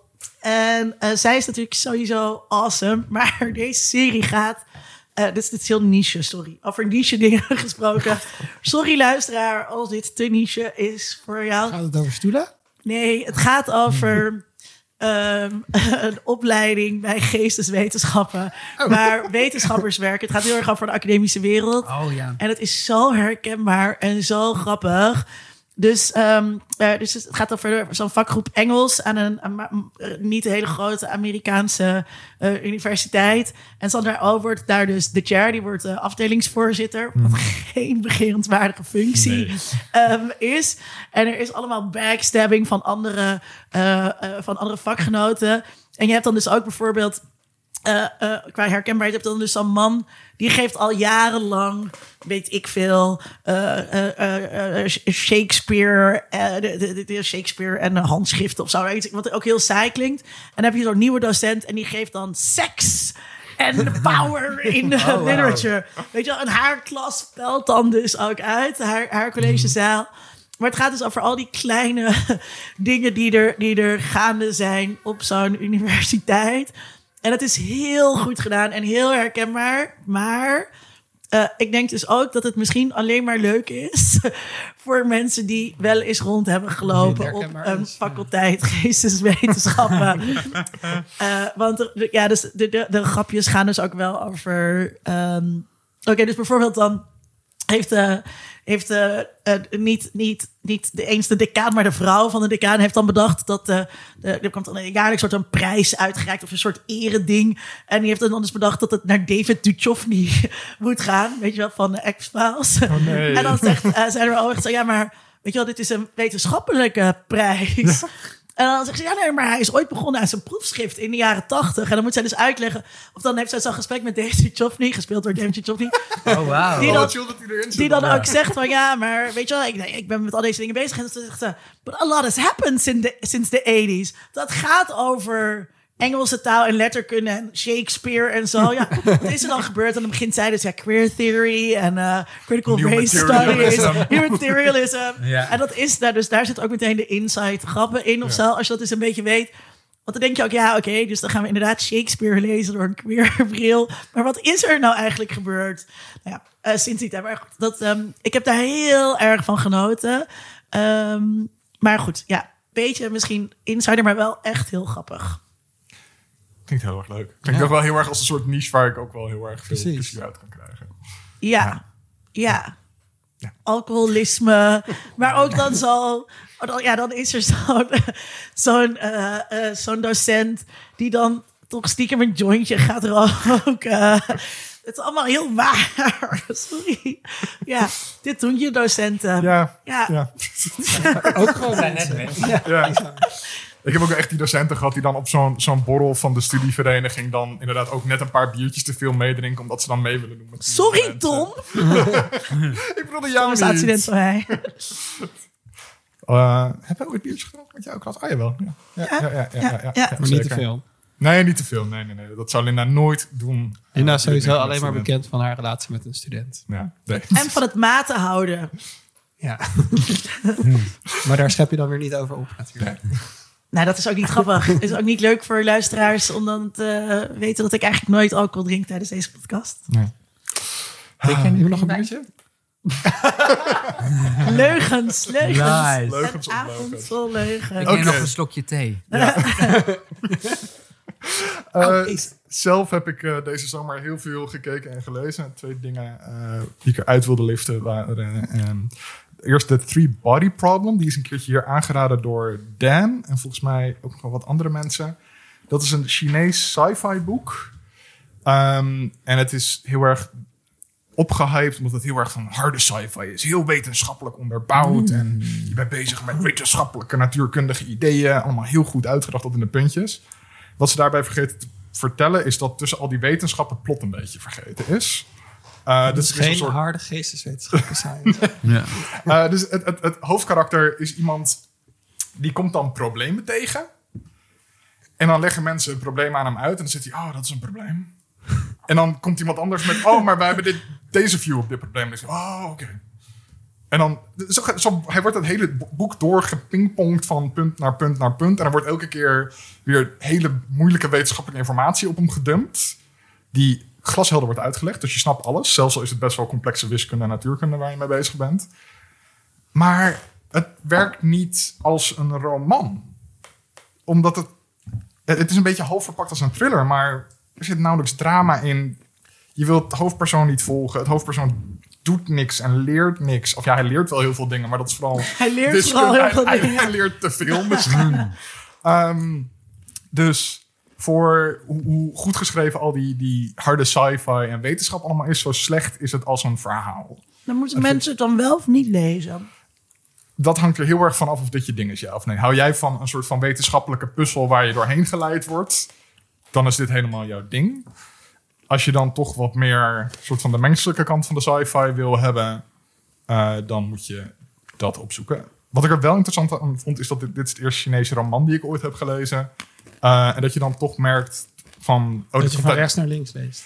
Nee, dat dan helaas niet. Maar dat, dat- dat je merkt dat het uit een soort van andere literaire traditie komt. Dat er andere stijlfiguren in zitten en zo. En dat vond ik dan wel er interessant aan als roman. Maar als boek verder... Mwah. Cijfer? Drie van vijf sterren, toch? Ah, nee, tweeënhalf misschien. oké. Tweeënhalf, drie, zoiets. Nou, dan gaat niemand het dus lezen. Nee, ja, nee maar dat is het voor mij. Maar tegelijkertijd, Dan geeft dit bijvoorbeeld echt een vijf. Die was er lyrisch over. Ehm, Het is ook goed om mensen te waarschuwen. Daar ben ik heel erg voor. Ja. Ja, Dat is ook belangrijk in het eh, aanbod. Ja, want er is heel veel. Dus je moet ook kunnen zeggen... nee, ik heb dit, ik heb dit gelezen... zodat jij het niet hoeft te doen. Ja, Ja, mooi. Maar, maar tegelijkertijd, als dit als jouw ding klinkt, dan moet je het lekker lezen. Want dat is precies wat het is. De hele harde sci-fi. Ehm, ik heb ook de nieuwe Suicide Squad gekeken. Ja. van van eh, James Gunn, de regisseur van eh, Guardians of the Galaxy. Eh, die toen daar ontslagen is. En toen naar DC is gegaan om de Suicide Squad te maken. Maar die toch weer teruggaat naar de film waar hij eerst van ontslagen is. Bij Marvel. Heel gedoe. Wacht, wat gaat hij maken bij Marvel? Eh, Guardians of the Galaxy 3. Oh, want twee vond ik niet zo leuk. Oh, twee vond ik wel mooi. Dat is de enige Marvel film waar ik op een gegeven moment een traan gelaten heb. Dat vond ik wel... Ja, sorry. sorry. Vol Ja. conflict. Ja, ja. Ik ga. Ja. Oh, jammer. Ehm, maar de Suicide Squad is eh, hartstikke leuk. Het is gewoon een James Gunn film, maar dan... Bij Marvel moest hij zichzelf een beetje meer inhouden, want dan mag je niet te veel schelden en er mag geen bloed zijn. Ja. Bij DC doen ze daar wat minder moeilijk Heel over. vet. Dus dit is gewoon vol vloeken, schelden en doen. Eh, het is een soort soft reboot van de vorige film. Maar het speelt zich wel in dezelfde wereld af. Dus er zitten wel voor een deel nog dezelfde karakters in. Oh. Maar voor een ander deel weer niet. Maar allemaal andere acteurs, toch? Of niet? Nee, nee, dus er zitten ook al- allemaal acteurs uit de eerste Oh, film. Harley Quinn is natuurlijk in. hetzelfde, ja. Harley Quinn is dezelfde. Eh, je hebt, ehm, hoe heet hij nou, die kleerkast? Rick Flag. ehm, eh, Joel Kinnaman, Ja, volgens mij die acteur. geen idee. Ehm, ja, die, die zit er nog steeds in. Viola Davis zit er nog steeds in. Ehm, dus veel aan wat er werkt hebben ze gehouden. En bijvoorbeeld Will Smith hebben ze vervangen met Idris Elba. Die speelt wel een andere rol, maar die heeft een beetje dezelfde positie Ja. in het plot. Eh, en Idris Elba is veel leuker dan Will Smith. In een actiefilm zoals dit. Eh, Over James Bond gesproken. Wanneer wordt Idris Elba nou eindelijk James Bond? ja, dat moet wel binnenkort. Ehm en dus het, het is heel erg leuk. Het is gewoon, het is explosies, het is domme humor, het is over de top. Alle actiescènes zijn erg matig geregisseerd. Alleen dat vind ik wel erg Oh. jammer. Dat, die, die, dat, het, is- dat is het slechtste deel van de film. De actiescènes zijn een beetje moi, matig. Maar de rest is gewoon, het, alles werkt. Ze hebben goede chemie. En eh, je hebt ook eh, John Cena, zo'n worstelaar, die speelt erin. En die speelt echt een hele leuke rol. Die is een soort van uber-patriot die dan net te ver doorgaat. En dat, dat werkt allemaal heel lekker. Dus er heel veel werk eraan. En het is een perfecte film om lekker brak te kijken. En dan gewoon dom te lachen om Was in explosies. bioscoop al? Ja. ja, en hij staat ook eh, op ehm, HBO Max. Als Oh je ja. daarin Ja, ja. kan als Nederlander ondertussen. volgens mij niet. Nou, dat wil ik Ja. ook, ja. Maar ja. Ja, iemand maar dus het is wel aanrader. Eh, maar ook niet weer heel goed. Dus nou, het is gewoon een lekker brakke dag. 1.7 billion were there for his birth. 220 countries tuned in for his first step. The world stood still for that stolen kiss. And as he grew, so did the Oké, technology. dan gaan we het nu hebben over de Truman Show en Superstream Me. En omdat we Nicolaas natuurlijk aan tafel hebben, wil ik eigenlijk met Superstream Me beginnen. En Goed. met de vraag van, ehm, wat bezielde jullie om dit te doen? Misschien moeten we eerst even voor, echt- de hele jonge, luister, Ja, ja, ja. De hele jonge Ja, luisteraar. Superstream Me was een eh, soort experiment dat, jullie, eh, dat jij hebt gedaan samen met Tim den Beste, waarin jullie echt 24 uur per dag gefilmd werden. Jullie hadden een rugzakje op je rug met een eh, camera livestreamed. eh ja, dus inderdaad niet gefilmd werden, maar eh, gestreamd werden. Wat natuurlijk ook nog wel. toen de Truman Show gemaakt werd, toen kennen we dat woord streamen nog niet. Eh, maar dat maakt wel uit. zonder edit, alles live. En daarna hebben jullie er een zesdelige documentaire, Vier- vierdelige. vierdelige Ja, vierdelige. documentaire over gemaakt die wel geëdit is, waarin je hoogtepunten en dieptepunten en andere dingen ziet. Maar de real deal was natuurlijk het daadwerkelijk eh, streamen. En Lieve zit hier omdat Lieve en ik toen, nou, wij zaten aan de stream gekluisterd. Het was ook perfect, want het was ongeveer nu. Dus vlak voor de semester weer begon. Het was in de zomer, in de zomer, Ja, ja. dat was in de zomer. ja. Wij hadden Ik had niks echt heel veel tijd. om- En het idee was ook dat het drie weken lang was non-stop. En de vraag was een beetje, wat gebeurt er als je je leven continu livestreamt? Wie word je dan? En wat gebeurt er dan met je? Ja, Het idee was dat om ja, volgens mij drie, vier weken te doen. We zijn gestopt na 18 dagen. en het jaar was 2015. 15, ja. Ja. Ja, ja, zes jaar geleden nu. Ja, Ja, dus ook daarbij interessant. eh, ten, het- wat een verschil was met de Truman Show, denk ik, is dat er eh, sociale media waren. Eh, we- dus er was ook een conversatie gaande. Ja, Eh, ehm eh, het was echt. Het was echt. en het was echt. Sorry, dat was, dat Ja, was de, dat is misschien de introductie. Die En- ik, en ja, dan ga dus met je vragen. weer terug. Wat bezielde je? Want ik, ik, ik hoorde van dat experiment en ik zat, dacht alleen maar van... Natuurlijk is het interessant om als programmamaker aan te doen, maar zo extreem gaan. Het was dus ja. helemaal niet. Mensen vonden het in wezen in eerste instantie niet zo interessant. Nee? Want eh, ik weet nog wel dat ik ook met de producent zei, had, ik had dit idee. Ik zal straks wel even vertellen hoe het idee kwam, want het, het idee is, eh, heb ik niet zelf bedacht. Dat wilde ik al vragen. maar- Maar ehm, dus, dus we hadden dat idee van Superstreaming, toen gingen we het pitchen. En ik weet nog, bij, bij een, eh, ik ging het ook gewoon eens toetsen aan mensen uit het veld. En toen vertelde ik het aan een collega. Dus ja, we gaan dan een maand lang onszelf livestreamen. Gewoon non-stop. En diegene zat echt zo... Ja, wat zie ik dan? Dat is toch heel saai? Ja, ik, hoef niet, ik hoef niet vier weken naar jou te kijken die niks doet. Helemaal niet wetende dat het moment eigenlijk dat je jezelf livestreamt... dat je al in je livestream-modus komt, Ja. in je presentator-modus. En het moment dat je ja, live bent, dat je naakt bent. Ja. En, en Matthijs van Nieuwkerk, met eh, toen nog Hey, die houdt het een uur vol. Die, laat Die zich- gaat aan. Die, gaat, die laat zich op. Het vuur gaat aan en hij is mega gefocust, ook door de adrenaline. En die gaat een uur, maakt een prachtige show en die, die kan weer leeglopen en op adem komen. Ja, Nou, zo is dat met live tv. Dat, dat, dat, dat, ja, je bloed gaat door je aderen pompen. Dat is niet normaal. Ehm, daar, daar waren er ook niet echt over nagedacht. Want normaal dacht je, ja, bij een mobieltje en jezelf filmen... ja, eh, hoe heftig is dat nou? Ehm, Maar jij begon gelijk met presenteren, toch? Ja. Ging gelijk inderdaad de Matthijs van Nieuwkerk aan. Van, hallo kijkers. ja, ik vond hem heel verantwoordelijk. ja, ja, ja.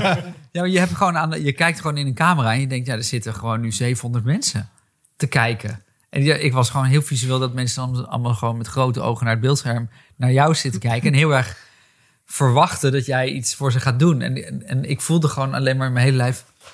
Oké, dit voelt zo naakt. Ik moet iets doen. Ik moet iets doen. dus ik begon meteen. Hallo, leuk dat jullie kijken. Maar omdat het live is, kan je ook niet zeggen leuk dat jullie kijken. Want dat houdt niet op. Opnieuw leuk dat jullie kijken. Ja. Leuk dat jullie net hebben ingeschakeld. Voordat je inschakelde. Ja. Ik dacht ook, misschien moet ik ook steeds mezelf weer herintroduceren. Hallo, leuk dat je kijkt bij Nicolas Vul. Ehm, Maar, het is wel interessant wat je zegt, want bijvoorbeeld ook met... Wij maken een keukentafelpodcast en wij Ja. zitten hier gezellig met elkaar te kletsen. En het klinkt bijna alsof wij gewoon de microfoons hebben aangezet terwijl we een gesprek zitten te hebben. Ja. Maar dat is niet zo. Nee. Ik ga ook aan als de podcast Tuurlijk. aangaat. Ja, En eh, je, je, je bent net, ja, je bent de mediaversie van jezelf. En die lijkt wel, Je bent je- Media Linda lijkt wel op, op, op Linda. ja. Maar die is het niet. Nee. Nee, je bent een performer. En in, Ja. in die performance kies je heel duidelijk... Het li- ligt aan ook hoeveel ervaring je hebt. Kies je heel duidelijk, oké, de performance Nicolaas... die is eh, afgewogen, die, die, die doet net niet zo gek als thuis. Die zal zeker niet hier eh, in zijn neus peuteren, ruften, te veel drinken... eh, hele vieze dingen Maar zeggen. je hadden jullie wel van tevoren over nagedacht. We gaan ons wel filmen als we naar de wc gaan. Ja, Er was heel veel te doen om Tim die drugs gebruikte tijdens Ja. de stream. ja. Maar dat had je ja. vooraf, Ik vooraf ook gebloot, toch? ik heb het gebloot. Oh. Nee, nee, kijk, het is wel eh, op het moment dat je zo'n experiment doet. En ik, ik ga wel misschien nu even vertellen. Het, er was een boek eh, van Dave Eggers, The Circle. En dat is eigenlijk een soort eh, Truman Show in een boek. Uh, maar dan met een soort social media Google bedrijf... die dan op een gegeven moment cameraatjes uitvindt... die mensen om hun nek moeten hangen. En die continu dus het leven livestreamt van Volledig diegene. transparant. Ja, en je moet volledig transparant leven. En wat ik heel goed vond aan het boek is dat, dat die meid, hoe heet ze ook weer? Weet ik niet meer. Lou Miu, Miu? Linda draait zich om en loopt naar de boekenkast. Gespeeld door Emma Watson, toch? In de film? Is er een film van? Ja, ja. Met heel veel zand? Met Tom Hanks ook, toch? Ja, met Ja, Tom Hanks. precies. Ja. Oh, maar nee, ik heb niet gezien, die film. Maar, ehm, eh, en, en, en, en ik weet nog de scène op een gegeven moment die ik echt dan briljant vond. Dat normaal zat- hield zij van lekker snoepen. En, en dan plunderde ze de koelkast eh, s s'avonds. En nu had ze die camera om, want ze wou ook transparant zijn. En de volgers. En ze voelde een enorme verantwoordelijkheid ook. En toen durfde ze, maar ging ze andere keuzes maken. Dan ging haar hand langs alle koekjes, maar ze pakte het water. En Oh. toen had ik dat gelezen. En het was, ik vond het zo vet. Toen dacht ik, ja, May Holland heet. Mee, mee Holland. En toen dacht ik, ja, dat is echt wel... Want we waren natuurlijk toen al een beetje aan het beginnen met livestreamen. Maar toen in 2015 nog... Ja, dat was een beetje een vooravond van... Dat, dat Instagram was een beetje opgekomen. En- Meerkat had je toen misschien Ja, wel ja Oh, ja. had net. En ook Twitter kon je even jezelf was Je livestreamen. hebt Periscope. Ja, precies. Periscope. Periscope had je. Ja. Ja, Staat dat nog? Nee. Nee, volgens mij niet. Nee, nee. En, eh, maar goed, het kwam net op. En ehm, ja, toen dachten we gewoon, dit is zo fantastisch. En toen zat ik met een vriendin, Lenneke van Inge, zat ik in een Schiller. En toen zei ik, dat boek is toch vet, jongen. Toen zei ze, ik keek ze al zo, ja, 100 dagen voor de camera. ja. En toen keek ik zo, ja. En toen zei ze, het is een programma, hè? Toen zei ik, Ja. nou, als dat zou kunnen. En toen zei ik, het heet Super Streamy. En toen zei ze, ja. Naar Ja. de documentaire Super Size Me. Ja, ja van eh, Morgan Spurlock. Ja, wat- dat zijn werk. Ja, ja, gelukkig. Phew. Ik ben altijd zo iemand die dan altijd net dat net verkeerd zegt. Ja. Ehm, eh, super Size Me, dat hij, dat de documentairemaker, die gaat zichzelf helemaal volvreten met, met, met McDonald's. Door zo'n gigantisch overdreven experiment te doen, wil hij eigenlijk kijken, ja, wat, wat doet dat dan met me als ik elke dag McDonald's eet? Om zo te reflecteren op een, alle fastfood die we eten. En ook en die de arme mensen in Amerika ook eten, omdat ze dan geen keuze hebben, omdat McDonald's zo goedkoop is. Ehm, ik vind dat een hele vette, creatieve manier van documentaires maken. Omdat je dan, ja, je kan gewoon ook je fantasie de vrije loop laten, een experiment aangaan. En tegelijkertijd toch iets zeggen over de wereld waar we in leven. Het is iets, iets alledaags heel erg uitvergroten. Ja. eh, tot echt het extreme. Ja, Ja, dat is ook wat je heel mooi ziet in jullie experiment. Dat het gewoon... Dus dat aanstaan voor de camera. Dat is ook natuurlijk van mensen die heel vaak poseren voor de foto. En dan niet één foto doen, maar dan nog een foto. En nog een foto. Ja. En nog een foto. Want het is de hele tijd net niet goed. En Het is altijd heel grappig als je mensen Ja, zegt... ik ga een foto maken, maar je maakt eigenlijk een filmpje. ja, ja, ja, dat is altijd En dan zie je iemand passeren, passeren, passeren. Heb je de foto al gemaakt? En dat, zijn, dat worden hele grappige filmpjes. Een live foto is dat dan. Een Live foto. Maar ik wil Ja. nog even een vraag stellen over hoe je erop kwam. Want jij zegt dus dat het uit het boek kwam. Maar ik had in een podcast gehoord dat er Niet alles geloof wat je in podcast hoort, lieve. een bedrijf, wat is een documentaire podcast, een heel bekende, ik ga nog niet verklappen welke. eh, dat er een podcast of een bedrijf was in 2005 al in Amerika. En die hebben dit ook gedaan. Dus die hadden al, waren toen al aan het streamen. Maar Oh, kon, Hun kon dat? leven. Dat kon toen. Ja, via webcams. Eh, ja, dus Ja, hij had een cameraatje op zijn, eh, op zijn pad of zo. En dat ging hij dan streamen. En eerst was hij super populair. En toen eh, niet meer. Want iedereen, het was gewoon super saai om naar zijn leven te kijken. Hmm. Eh, Hmm. Heb je hier nog nooit van gehoord? Nee, de, de- er is, was wel zo, en zo'n webcam. Dus je hebt een soort van... eh, de Truman Show hebben ze een keer gedaan met webcams. Dus in één huis. Ja. Een soort Nee, maar dit was echt volgehouden. In Want, maar 2000 dat was toch bij jullie eh, best wel... Het, was toch technologisch best wel ingewikkeld om dit voor elkaar te krijgen? Ja, dus ik geloof Ja. het eigenlijk ook niet. Want, In eh, 2005 Ja. lijkt mij ook onmogelijk. Maar dan heb je de bandbreedte Nee, want, niet om die video... want wij eh, hebben, we hadden een, een rugzak om van, denk ik, 10 kilo. Ja, dat, dat Daar zat een, flinke... ik weet niet eens wat erin zat, maar er zat er gewoon een, ja, een soort streaming device in met alle simkaarten van alle telefoonaanbieders die er waren. En de, de- ja, die moest gewoon continu onze shit verzenden, Streamen, ja. streamen. Dus eh, de- ik kan Die me bijna niet- bandbreedte, dat was toen... de- de- nu kunnen we natuurlijk nog... Heb je wat, ik heb nu, weet ik veel, 25 gig of zo in mijn abonnement. Maar toen Ja. had ik denk ik maar twee. Ja, Nee, toen hadden we nog vaak onbeperkt. ja, onbeperkt. ze- maar, dan mocht, je er, maar dan mocht je er niks mee. ja. En, En bij, ons ging het ook dat, dat je heel dat, dat zeg maar je lang niet overal goed bereik had, vooral met eh, internet en vooral dan niet zeg maar, eh, ik weet niet, had, Waren er dan ook plekken waar jullie niet heen mochten? Je kon niet met de trein van... eh, je kon niet met de Intercity direct van Amsterdam naar Rotterdam. Want dan ga je door een tunnel. En dan is er geen bereik. Nee, dat hadden we wel. Maar we hadden, we hadden- omdat we al die simkaarten hadden, kon Dan je de hele tijd switchen. iets. Ah ja. Hij was de hele tijd aan het switchen Ah, ja. tussen eh, die dingen. Maar ja. ze, ze hadden het, de, de rugzak was volgens mij van het NOS. Die dan naar de uitmarkt ging of zo. Om Mm. dan af en toe te livestreamen. Maar dat deden ze dan maximaal een uurtje. En wij moesten die technologie zeg maar hebben voor Er moest ook nog zo'n 24/7. zo'n accu onder waarschijnlijk. Ja, er dat moest echt waar. mega Ja. accu klikken. En we hadden altijd twee accu's nog mee. Oh, Ja, het was niet normaal. We waren echt een soort robot. Ja, maar eh, dus nee, ik wist oprecht niet van dit project. Nou, het is eh, te horen. Ze hebben dus niet, het is heel stom, maar het is een hele bekende podcast, Startup. En de podcast die ook de grootwording van het podcastbedrijf Gimlet beschrijft. Eh, in seizoen 3, de eerste aflevering, dus best wel makkelijk terug te vinden, maar het staat alleen op Spotify.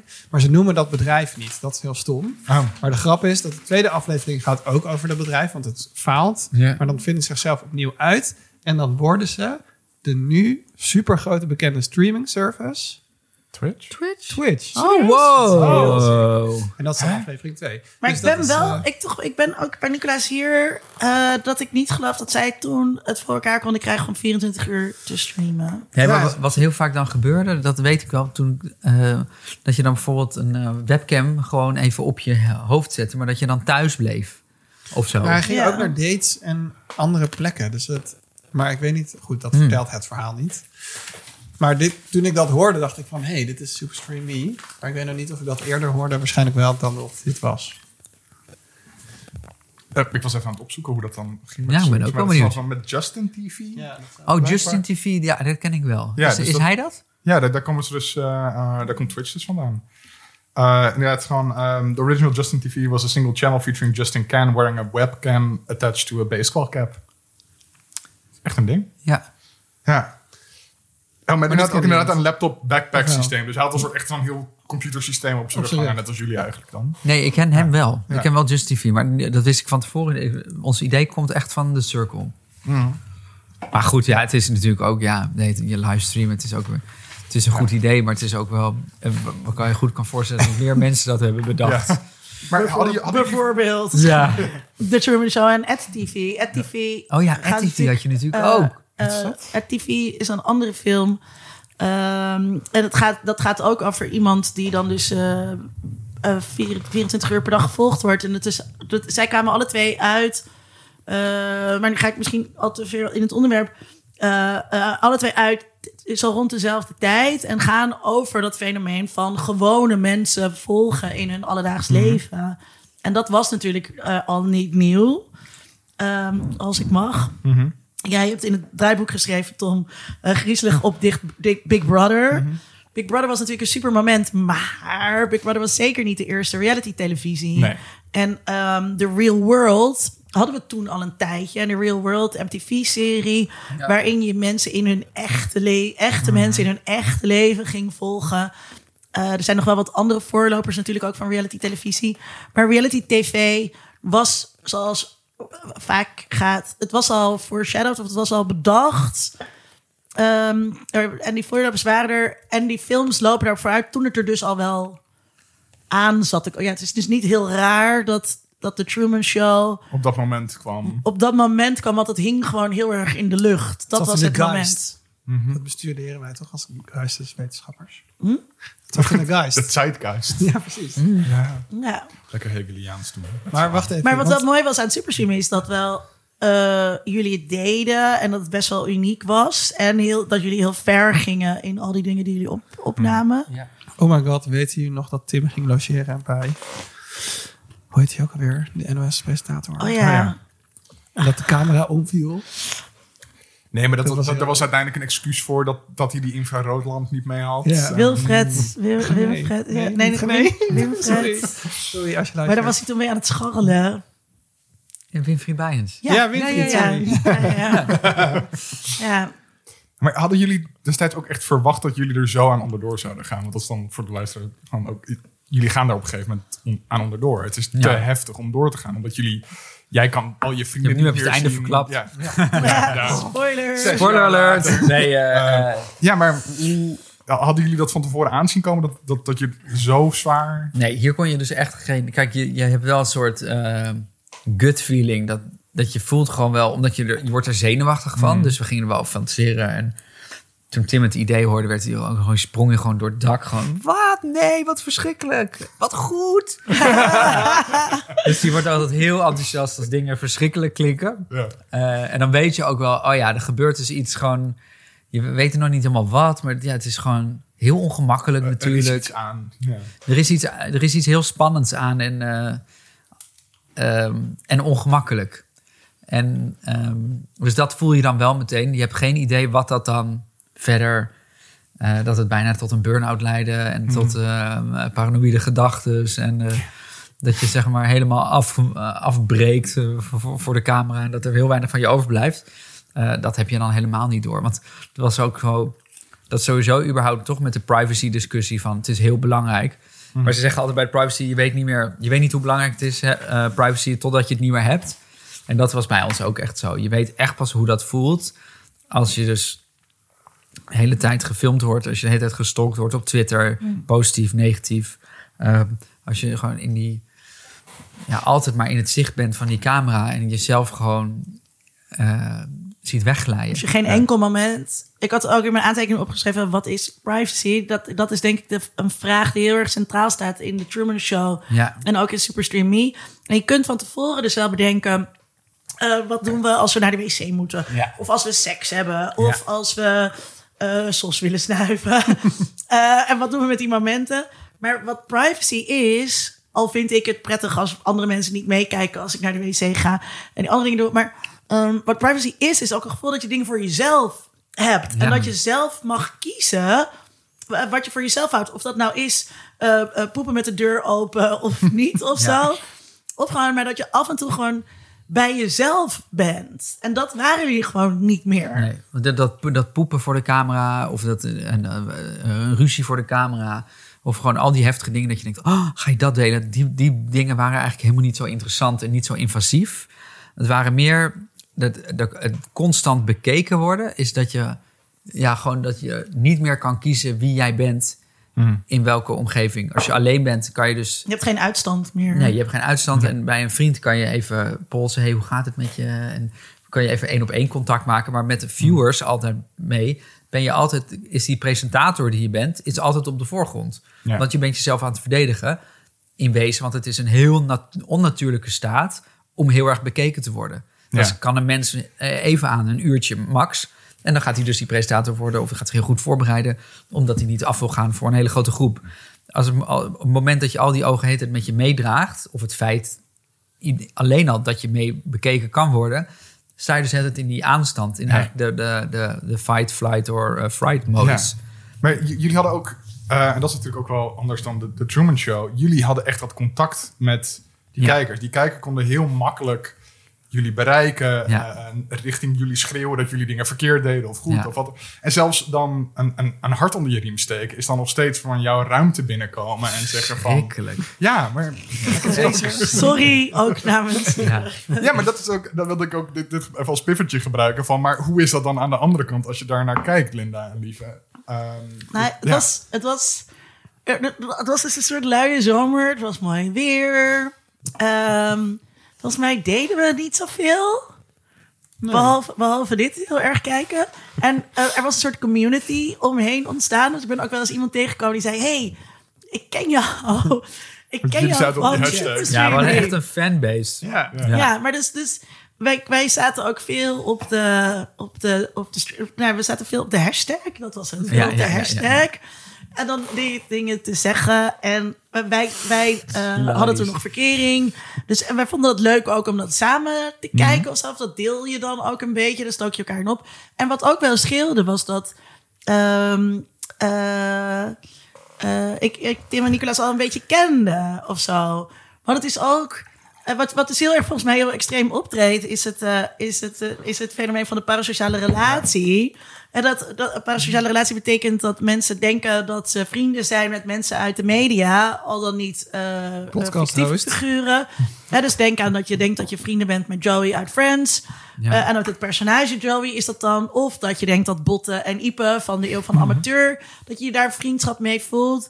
En dat was hier denk ik ook heel sterk. Ehm, en dat hadden wij ook wel. Behalve dan dat we jullie al een beetje kennen van... Ja, maar echt. weet ik veel, Twitter of zo. Beastie Ja. Boys of iets daarvoor. Maar dat, jullie kennen ons niet. Jullie waren wel op dat feestje op een gegeven moment. Ja, ik zat toen wel op dus- een gegeven moment. ja, ja, ja, ja, ja. Maar dat, was dus, maar dat was dus ook nog grappig. Want jij zei voor de opname van... eh, woont Nicolaas nog in dat huis?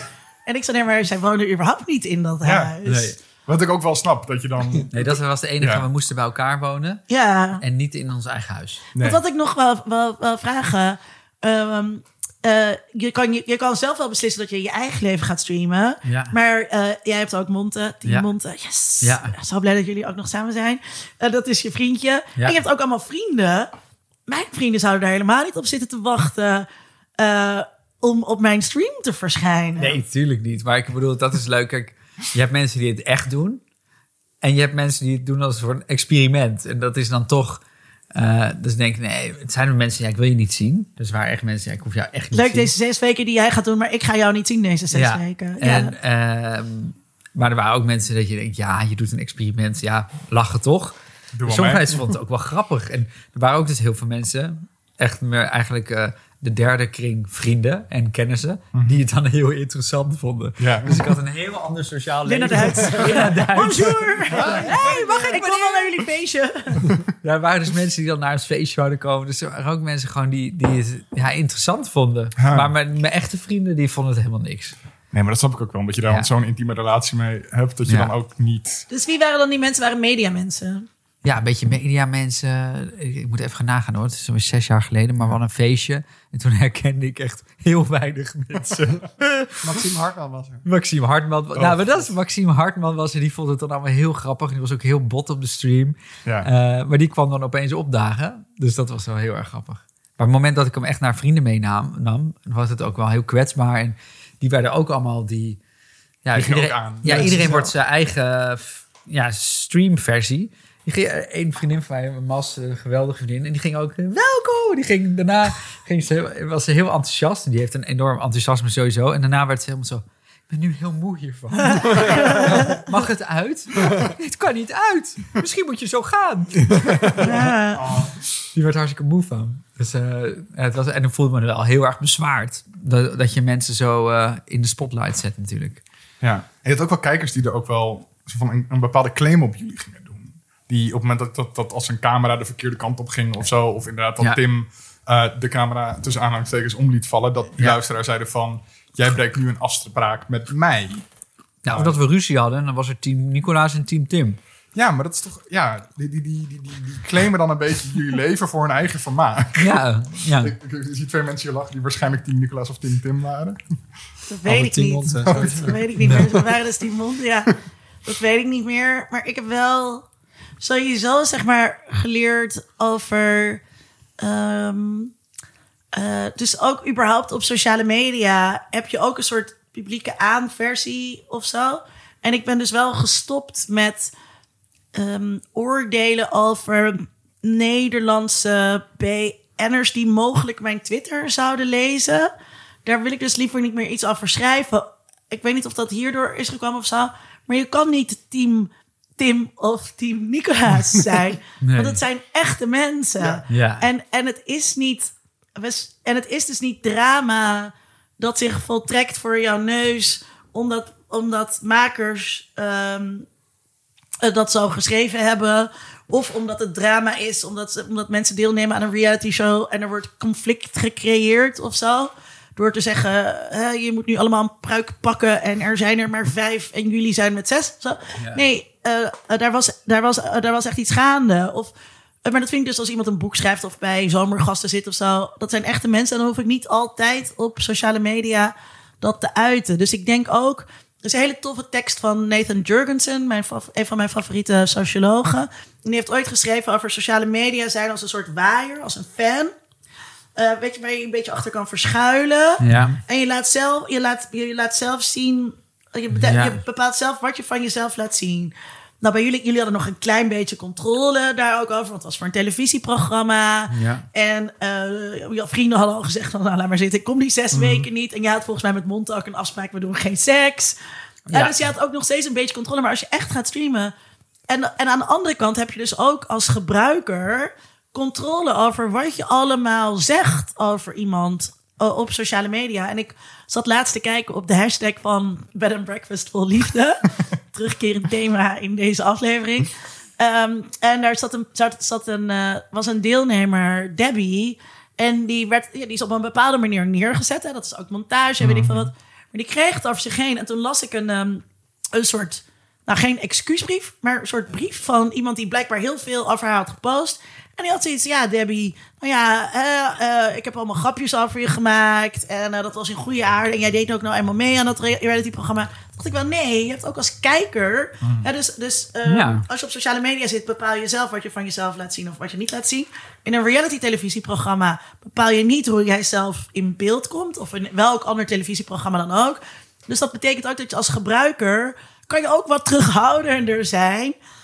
Eh, in wat voor grapjes je over Debbie maakt. En ik heb ook grapjes over Debbie gemaakt. Naar een goede vriend van mij die met het die ook het programma keek. Gewoon één op één in communicatie. En dan konden we daar. Snap, ja, snap je wat ik bedoel? Ja. Dus er zit ook. Dus misschien, ik weet niet of ik dat door superstreaming heb geleerd of zo. Ik geloof niet dat wij toen heel uitgesproken voor het een of het ander waren. Eh, maar ook als kijker of als gebruiker of als eh, iemand die dus weer terugkoppelt naar die makers, heb je ook een verantwoordelijkheid. Ja. Hoe zie jij dat, lieve? Zie jij dat Ik zit toen? even ja. na te denken over de Truman Show. Want daarin zijn ze ook heel erg voor hem. Goed, hij heeft natuurlijk een soort van... Hij kan ontsnappen en hij weet niet dat hij erin zit. Nee. Maar die- je hebt wel heel duidelijk die relatie met... de- Of het publiek heeft wel duidelijk een relatie met hem. Die zijn voor team Truman. Ja. Eh, ook als het... eh, ja, we- we- ja, Maar willen ze nou uiteindelijk allemaal... Naar, Misschien had willen ze nou uiteindelijk allemaal dat hij gaat ontsnappen? volgens mij wel. Iedereen juicht uiteindelijk, toch? Dus dat is wel... Wat ik dus totaal ongeloofwaardig vind. Als je kijkt dan naar Superstream Me. eh, eh, er zitten dan echt gewoon heel veel kijkers tussen zitten. Die zitten van nee, dat kan niet. Weet ik Show was van- dat toen? Waren mensen boos dat die er gingen stoppen? Nou, mensen waren wel heel Nou, boos dat, dat ja. Tim, eh, Tim is toen op een gegeven moment Ja. s'nachts. Ja, dat Daar waren mensen heel boos Ja, nee, dat, dat is ook precies waar ik op doel. Van, ja, ehm, het lijkt in de Truman Show helemaal niet alsof het publiek... Dat iedereen kijkt daarnaar. Ja, maar dat Eh, is nog het passieve publiek van de televisie. Ja, mensen waren Wel heel erg eh, committed en echt heel enfasief. Hm. En die, die permitteerden ze ook echt een ruimte waar ze eigenlijk niet mogen komen. Maar Vertel eens dan. Nou, dat wij waren... Ik, was, eh, ik zei een keer, pff, ik heb zin in pizza. En een uurtje later, ding dong, stond er een pizza voor de Nee. deur. Ja. En je denkt grappig, maar je denkt ook wel... Creepy, fucking creepy. Ja, fucking creepy. Ja. Dus ja, je nodigt mensen natuurlijk uit. En dat was deel van het experiment om in je leven mhm. te komen. En we hadden ook de tweets moesten aan. Dus er was dit... Bliep, bliep, bliep, bliep, bliep, bliep, En dat was ook wel de bedoeling dat we daar wat mee gingen doen. Dat ik ook Twitter-uurtje... Ja. Eh, maar, dat is natuurlijk wel...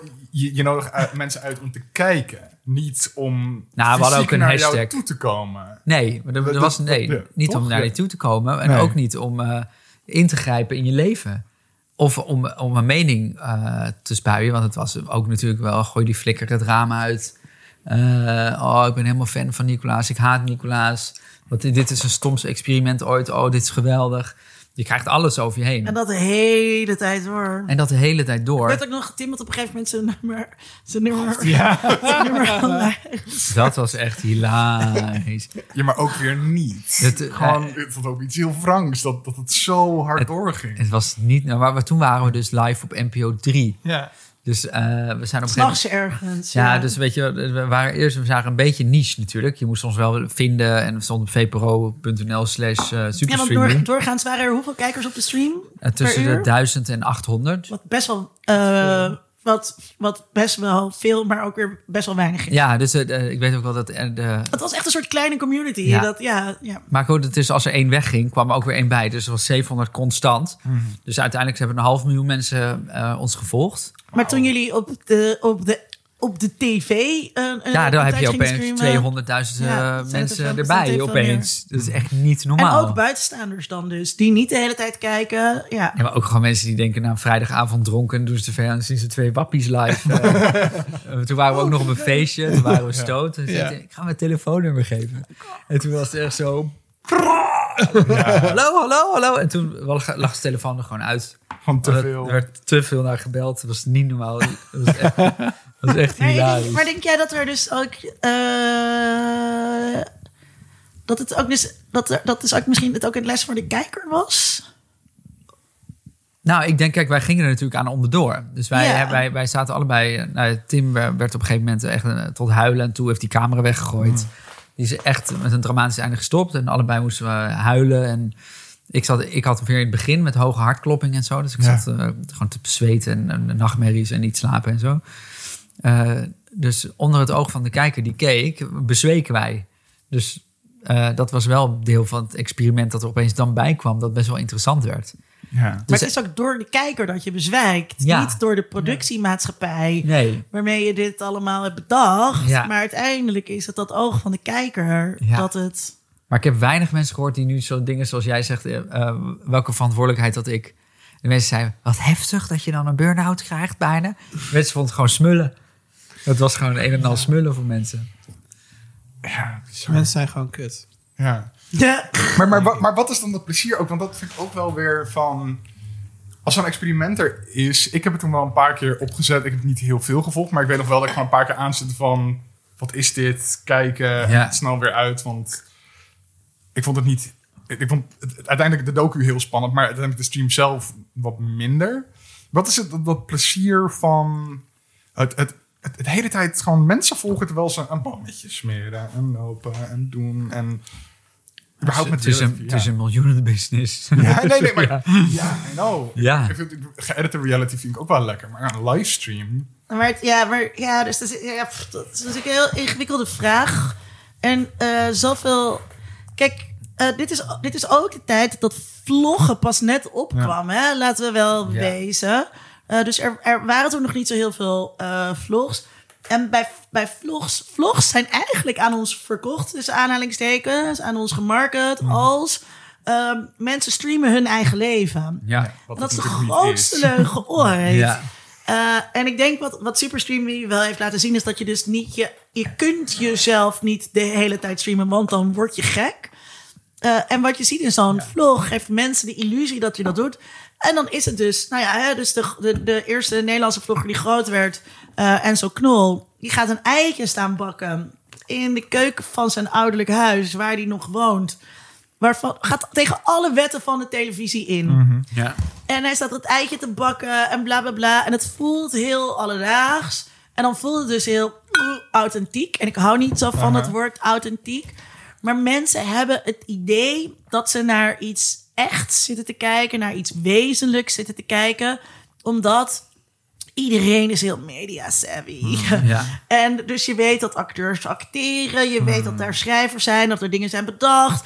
Dat er allerlei commerciële belangen misschien meespelen. Dat, het, dat, het, dat, het, dat, dat er expres geen kus op televisie komt tussen eh, eh, mensen van hetzelfde geslacht.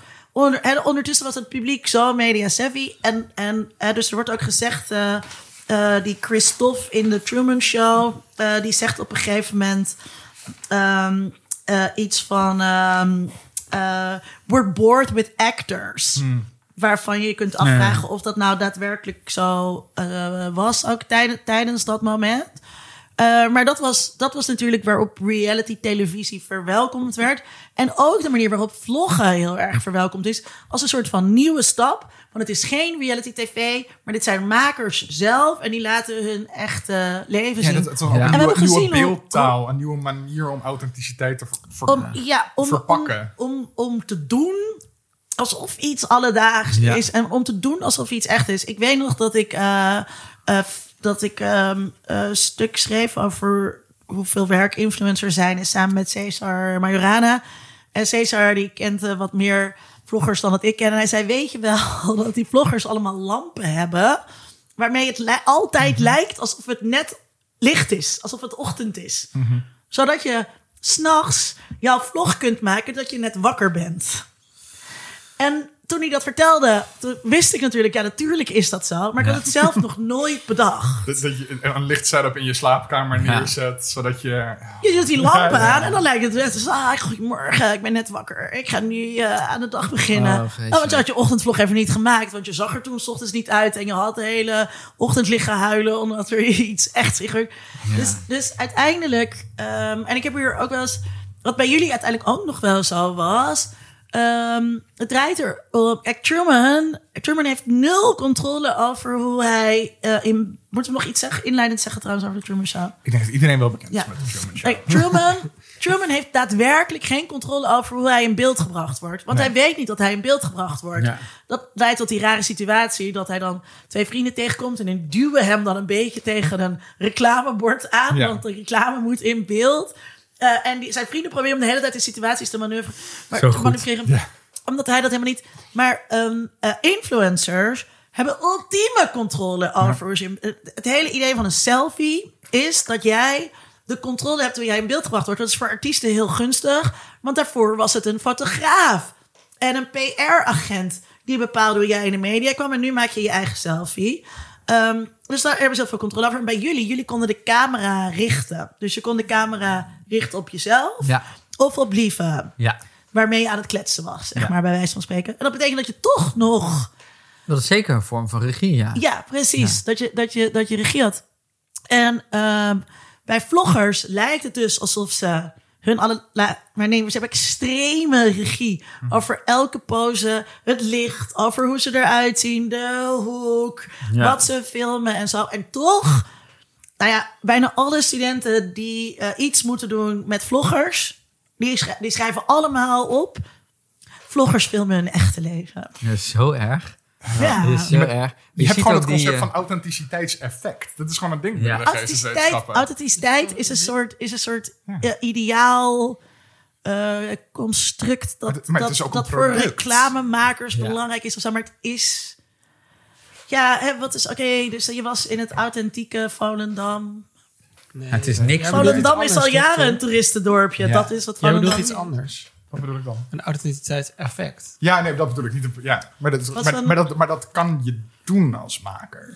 Wat is een authenticiteitseffect dan? Dat weet ik niet, maar ik heb een keer een paper geschreven over de keuringsdienst van waarde. En dat zij, iedereen zegt altijd, oh die tas, die tas, ze nemen die tas mee. Want dan lijkt het net alsof ze net uit de winkel komen. Ja. En dat iedereen dan Door die boodschappentas. Ja, maar dat, maar de en zo produceer je dat. dat, dat Ja, dat, daar, daarmee eh, kweken ze het idee van, oh wij zijn ook gewoon normale mensen. Terwijl Ja. wij gewoon normale televisiemakers zijn in een normaal kantoortje in En Amsterdam een Noord. redacteur die En- tas heeft gekocht en Ja. de producten daarvoor heeft gekocht. Ja, maar dat is nog en iets. gezegd- Dat, dat, dat vind ik nog een soort van filmische esthetiek. Ja. Dat is gewoon storytelling. Dus dat is, vind ik flauw, omdat dat een soort van. Maar ik denk dat, je, dat het echt heel, heel veel kijkers denken echt... Goh, Marijn moest echt een stuk lopen voordat ze bij die schuur aankwam. Dat zou, ja, maar dat zou goed kunnen, ja. maar alsnog is is het natuurlijk wel meer storytelling. Het is ook gestileerd, waardoor je ook de codes goed kan herkennen. Dat, dat heb je natuurlijk helemaal niet bij vloggers. Nee. En wat ik ook wel heel heb geleerd bij vloggers... Ja, ik werd, ik werd zo kriegel van vloggers. Omdat ik gewoon benauwd kreeg van de... Van die, van die, van die, die smile. Ja. En, die, en het moment dat die livestream camera's aangingen... werd ik dus ook die vlogger. Ja. Maar je ging daar op een gegeven moment ook bij, bij zo iemand langs. eh, die zo'n zo'n modevrouwtje die dan de hele tijd zo... Ja, oh Beauty gloss. ja, ja. Ja, Beauty Gloss ging wel leuk. Die was wel leuk. Maar er was nog een andere. Zo'n eh, mode-imperium meid. ja, ja, die bedoelde ik. Ja, heftig was dat. Heftig. Ja, maar die was ook, jullie komen binnen en dat is gewoon, dat gezicht gaat gewoon zo, die hele brede glimlach gaat soort van Aan. Ja, maar dat is natuurlijk wat, eh, wat, ja, wat we nu uh, zoveel zien op Instagram. Is gewoon dat mooie verkopen van jezelf. En dat, dat jezelf ja, gewoon mooier maken, beter maken. het moet allemaal perfect. Er zit zoveel controle en rigide. Maar het gaat helemaal in die haarvaten van een nieuwe generatie zitten. Gewoon dat je, dat, je, ja, dat je je zelfbeeld kan controleren helemaal. Als je daarmee vereenzelvigt, word je een verschrikkelijk mens. Ja. Dus eh, dat is verschrikkelijk. Ja. Dus ik vond dat ook wel bij... Ik hoopte eigenlijk dat het ook wel... Super Streamy was ook wel een eh, dystopie. Zo van, we houden dit nog geen 18 dagen vol. We gaan kapot, want je, je menselijkheid verdwijnt. Ja, de mensen die het dus wel volhouden. Hè? Dus dat zijn robots, die zijn doodeng. Maar, die- maar die houden het dus ook niet vol. Nee, ja, Nee, die houden het eigenlijk niet vol. want, die, want die maken een kwartier eh, vlog van hun echte leven per dag. En dat dan is, gaan een ze hun echte, extreme, echte dat leven is een leiden. extreme reductie van 24 uur. Ja, en ook gewoon wat, wat gewoon zo... Niemand streamt zichzelf toch 24 uur? Nee, maar het is ook gewoon dat, eh, dat je op een gegeven moment dan gezien wordt door een grotere groep. Dat is ook gewoon een, een, een, heeft een zuigende kracht waar, heel, waar je gewoon bijna niet uitkomt. Want je gaat toch denken, oh, de ik. Oh, ik, kijk, oh, naar oh, mij. naar mij? Ja. Oh, naar mij. Oh, ben- nou, ik moet dan wel mijn best doen. En het is gewoon zo onnatuurlijk dat zoveel Ja. mensen naar je kijken en, en een mening over je hebben. Want je gaat daar helemaal in mee. Want je gaat gewoon denken, wat zouden ze dan denken? Of, of je gaat zeggen, dat boeit me allemaal niet. Maar dan boeit het je heel veel. Ja. Als je zegt dat het je dat, allemaal dat, niet dat is in het boeit. begin ook Tim's overlevingsstrategie, toch? Ja, dat boeit- hij gewoon doet, boeit me niet. van, eh, Maar op een ik heb gegeven de moment... camera niet eens door, maar Nee, jawel. ja, tuurlijk heb je het door. Ja. Want het, het is er. Het, is gewoon, het, het neemt iets van, het, het berooft je van iets. Dus op een gegeven moment is het ook niet gek dat hij op een gegeven moment ook helemaal het Spaans benauwd krijgt. En dat ding wegpleurt, want het eet aan je. Ja. Ehm, en dat zie je wel gewoon bij ook al die eh, sterretjes en vloggers. Dat Enorm veel burn-outs. zoveel burn-outs Mm. en zoveel ook eh, denken dat ze zelf heel belangrijk zijn. Je ziet gewoon soms ook in gewoon dat het een beetje cringe wordt, toch? Hun content of interviews. Dat je denkt, sorry, je hebt een hele interview alleen maar over jezelf en hoe jij de wereld beleeft. Ja. Weet Maar je het, is, maar het is ook, zeg maar, eh, wat ik in het stuk met Cesar schrijf. Wat heel veel mensen zich niet realiseren, is dat eh, influencer zijn of, of content creator of wat dan ook. Eh, dat dat werk is en dat dat, en Ja. dat, dat best wel een, eh, een, een, echt een, een lange baan is. Dat daar heel veel werk achter zit. Ja. En ehm, ik bedoel, jullie waren ook. eh, jullie gingen ook dingen doen natuurlijk voor. Dus bij mensen langs met experts praten. Ja. Dat dus jullie hadden ook een soort van dagtaak aan, ook op Ja. het reflecteren, zeg maar, op die Ja. stream. Het was niet dat jullie ondertussen gewoon naar jullie baantje gingen Nee. in een zorgcentrum en op een middelbare school. Eh, ehm, en, het, en het is dus gewoon, de- ook als je dus een kwartiertje content per dag maakt, daar ben je dus de rest van de dag mee bezig. Kwartier content zoveel. Als je het filmt of voor televisie maakt, en En dan maak, edit. maak je en- vijf ja. minuten per dag. Ja, Dat en, is, dat en is, mensen, eh, dan ben verge- je blij. mensen, vergeten, maar mensen vergeten dat dus. Ehm, en, en alles draait natuurlijk ook om jou. Dat, eh, om die content. En die content ben jij. Ja. Oh, ik moet echt niet aan jou denken. Ja, en, en dan mensen allemaal om je heen. Jij, jij bent je merk, dus jij bent geld. Dus mensen om je heen gaan zich ook... Oh, hallo. Die bepaalde oh, geweldig. afhankelijkheidsrelatie. vond het heel leuk. Ja. En dan, Ja. eh, zullen we, weet je wel, dus die hele wereld verandert. Wat dat betreft hebben we allemaal een soort eh, Free Britney movement nodig. we hebben al die, al die sterren, dat, sterren dat nodig. Je bevrijd je Ja. uit die eigen grip die je Ja. daar hebt gecreëerd van Ja. het. Ja, Ja. maar dat is echt eh, wat je, wat je bij influencers ziet. Zie je bij eh, Amy Winehouse, zie je bij Britney Spears. En eh, ja, dat is, het, Hmm. Geleefd worden. het geleefd worden, burn-out materiaal. Ja, het is gewoon burn-out materiaal. Ja. Ik wil toch nog voor we eh, af gaan sluiten nog eventjes eh, eh, terug, terug naar de Truman Show. Lars, hij moet nog over Truman Show praten. Oh. Dat zit er de hele tijd doorheen. En het is ook hier gewoon, dan gaan we er een beetje heen. En dan komen we weer terug. En dan gaan we er een beetje heen. Maar ik wil ook even gewoon concreet hebben over Truman. En eh, we hebben het al een beetje over authenticiteit gehad en zo. En hoe awkward het soms is in de Truman Show. Dat dat bijvoorbeeld die tegen een reclamebord aangeduwd wordt. Ehm, iedereen zegt het, het oh, Truman Show in de, in de film, dat het heel authentiek is. Dat je hem echt kan volgen.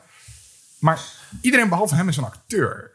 alle situaties waar die in terecht komt, zijn van tevoren bedacht. En jij zegt dan dit, jij zegt dan dat. Een beetje gruwe, eh, eh, ruwe regieaanwijzingen. Er is een regisseur die iedereen de hele tijd in het oor fluistert. Dus hoe, authentiek dan weer tussen aanhalingstekens eh, is dan de Truman Show als iedereen boven Truman acteert? Ja, hij zegt... op een gegeven moment heb je die scène dat, dat hij op de boot zit en dan... Dan gaat de regisseur iets zeggen en die zegt dan... Ja, maar deze show is unedited. Maar dat zegt hij vlak na dat hij superveel regieaanwijzingen heeft. Ja. Over wat er allemaal meer wind. Ja. Nu donder en bliksem. Nog meer bliksem. Ehm, dus ja, je zit eigenlijk alleen maar te kijken naar de creatie van de regisseur dan, toch? Ja. Het leek mij dus ook. Dus dat vind ik ook Maar hoeveel agency heeft Truman? Als hij iemand had vermoord of zo, wat zou er dan gebeurd zijn? Ja, goede vraag. Toch? Als hij iemand echt... Dat vind ik wel een hele grappige vraag Ja. inderdaad. Van wat, wat als Truman gewoon een, een, een totale psychopaat was en niet Jim Carrey. Wauw. Truman 2. Ik voel Precies. Truman 2. Van iemand greenlight Maar hij zet toch op een gegeven moment, eh, zet hij, of hebben jullie dat net besproken toen ik eh drankje aan het regelen was, dat hij het mes op de keel zet van zijn zogenaamde vrouw. Ja. Oh ja. En dan grijpt ze ook niet in. Nou, dan, nee, dan breekt ze. Wacht, dan gaan we even. Linda gaat weer even goed even zitten. Dan, ehm, dan eh, she breaks character, zeg je dat in het, in het Nederlands? Ze valt uit haar rol. Ja. Want zij speelt natuurlijk, jezus, hoe vermoeiend moet dat zijn? Dat je dus fucking zoveel uur per dag de vrouw van Truman Ja, ja, ja. speelt. Ehm, en dan valt ze uit haar rol en dan, en dan roept ze iets van, weet je wel, this is undoable, it's unfair. En dan wordt, het, dan, dan wordt het dus ingegeven en dan komt die beste vriend weer met zijn sixpack aan. Altijd. Oh, je want een brewski. En, ehm, Zo eh, maar hij zet wel het mes op haar keel. Ja. Het is wel een echt mes. Dat hij ja, haar heeft gegeven. Reclame. Ja. ik had dat misschien al wel eerder gedaan. Dat als, hebben we het hier over gehad? Wat zou je doen als je er dus achter komt? Oh, dan is die vraag aan het begin Ja, ja, van. we vragen aan het begin Maar wat doe je als je erachter komt dat dat dus waarschijnlijk zo is? Dat die boer in Oekraïne inderdaad gecued werd door een Dat is regisseur. ongelooflijk traumatisch, toch? Dan kan je nooit meer iemand vertrouwen. Nee, precies. Nee, ik denk dat je dan eh, meteen in een soort posttraumatische stressstoornis... Ik heb daar dus- is ook natuurlijk dat hij, hij... Wij weten dat het... En iedereen die kijkt weet dat het een eindige wereld is. Maar dat weet hij niet. Hij vaart wel naar buiten. Ja. Maar dat had hij niet, helemaal niet hoeven weten. Want hij weet niet hoe de wereld in elkaar zit. Hij wil naar Fiji. Ja. Of zijn er eerder grenzen aangetoond? En er valt een Nee. uit de lucht. Nou ja, dat, dat vind ik dus heel. Hoe, hoe hij. Dat hebben, ze dus, dat hebben de makers dus heel slim gedaan. Dat ze hem bang maken voor de buitenwereld. Ja. En, en, en op, op het allerergste af, namelijk. Ze laten zijn vader doodgaan. Ja. In een heel heftig bootongeluk. Zodat hij nooit meer ergens heen wil varen. Dat, dat is wel. ehm, eh, buiten de grenzen van het ethische. Daar hoef je geen filosofiestudent voor te zijn geweest. Ehm, Wat maar, een episch script eigenlijk, toch? Wat hebben ze Ja. dit... Wat maar die film is zo fucking... Ik, heb, ik, keek, ik keek die film dus eh, eh, op zondagmiddag en toen ben ik meteen daarna nog een keer gegaan omdat het, en dat toen, toen studeerde ik, dus ik was, het deed helemaal niks met mediastudies. Ik was, ik studeerde gewoon politicologie. Die film was, ik was, ik vond het zo briljant en zo intens. En je moet dus ook weten, dat zat ik ook te bedenken toen ik hem dus nu weer keek. Ehm, eh, wat, wat het is als je een nieuwe film kijkt, dan weet je nog niet echt zoveel over de film. Dus er was nog, toen ik hem ging zien, was er nog geen fenomeen rond de Truman Show. Dus je begint gewoon met die film en dan kom je erachter. En we hadden nog geen reality tv en we hadden al die dingen nog niet. Dus je kijkt die film en dan kom je er dus achter, net als Truman zelf, ongeveer tegelijkertijd met Truman zelf. Fuck! Deze gast zit gewoon in een een televisieprogramma zonder dat hij dat weet. Heftig. Ja. Ja. En dan, dus daarom moest ik er meteen ook nog een keer heen. Om het dus weer Ah, vanaf het begin te En, beleven. en dan de dingen, de science op te pikken. Ja, van hoe, hoe, dat, hoe dat was. Lang geleden dat we een soort zo'n film hebben of een programma dat je denkt, oh, wauw, Ja. Dat het zo baanbrekend we, was, we toch? hebben het best wel vaak over kijkervaringen in de podcast hier. Van, ook, ook omdat dat, eh, ik, ik heb dat heel vaak niet meegekregen, dingen van eind jaren negentig. Toen was ik zes of zeven. Dus dan wil ik ook weten wat voor fenomeen was het dan. En dan dat je nou echt zo'n hype hebt. Maar hypefilms zijn bijna geen ding meer. Ja, je hebt Marvel Endgame. Maar dat is niet... Dat is anders hypey. Dat dat, vat niet een cultureel moment. Dat is geen, Nee. Er zit geen bepaald commentaar in waar iedereen dan ineens op hetzelfde moment over nadenkt. Nee, totaal niet. Nee, dus, ik- maar, dus Hebben we nu nog hype van die hype? Ja, maar dus bij de Matrix had je dat ook, had je Ja, dat ook heel jaar erg. later. Eh, Matrix is één uit. jaar later. Wauw. Ehm, eh, dat, Voel je je al uit. 13 Monkeys. Dat is ook zo ja, ja, dat is ook hetzelfde Ja. tijd inderdaad. Ja. Ja. ehm, Dat was 96 toch? Ah. maar eh, ja, dus, dus, dus ehm, ik, zal- ik probeer even te denken voor films daarna. Die, maar, maar het is natuurlijk ook, en we zaten toen, toen net eh, eh, op een moment dat, dat het internet ook mainstream werd. Of dat er dus, en ik bedoel, Truman Show gaat natuurlijk niet af voor het internet, maar de Matrix wel heel erg. Ehm, en dus de, en, maar de Truman Show gaat over een moment dat, re- dat eh, reality kwam. Dus die, die, er, er gebeurde toen ook. Er waren toen ook allerlei media-innovaties die heel heftig waren. En ik weet Oh, niet ja. wat voor media-innovaties er nu zijn die zo heftig zijn. Ja, dus misschien sociale media. Dus nou, Superstream Me was een heftig.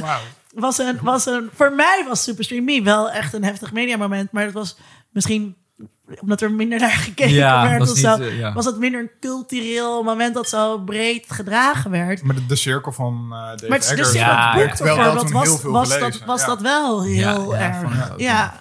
Dus ehm, Maar dat, het gaat wel hier over het sociale commentaar. Hè? het gaat om het sociale Ja, commentaar. oké. Ja. Want ik ben wow-elementen of wow-effect die ik nu nog wel kan opnoemen was Westworld seizoen 1. En Maar wat voor... Ja, dat is niet heel Dat was gewoon- kritisch of Nee, zo. nee, Nee, het is precies, meer dus maar dat- dat sociaal ontbreekt- ja. kritisch. eh, dat ontbreekt gewoon. Of, ehm, nou ja, met, ehm, hoe heet het?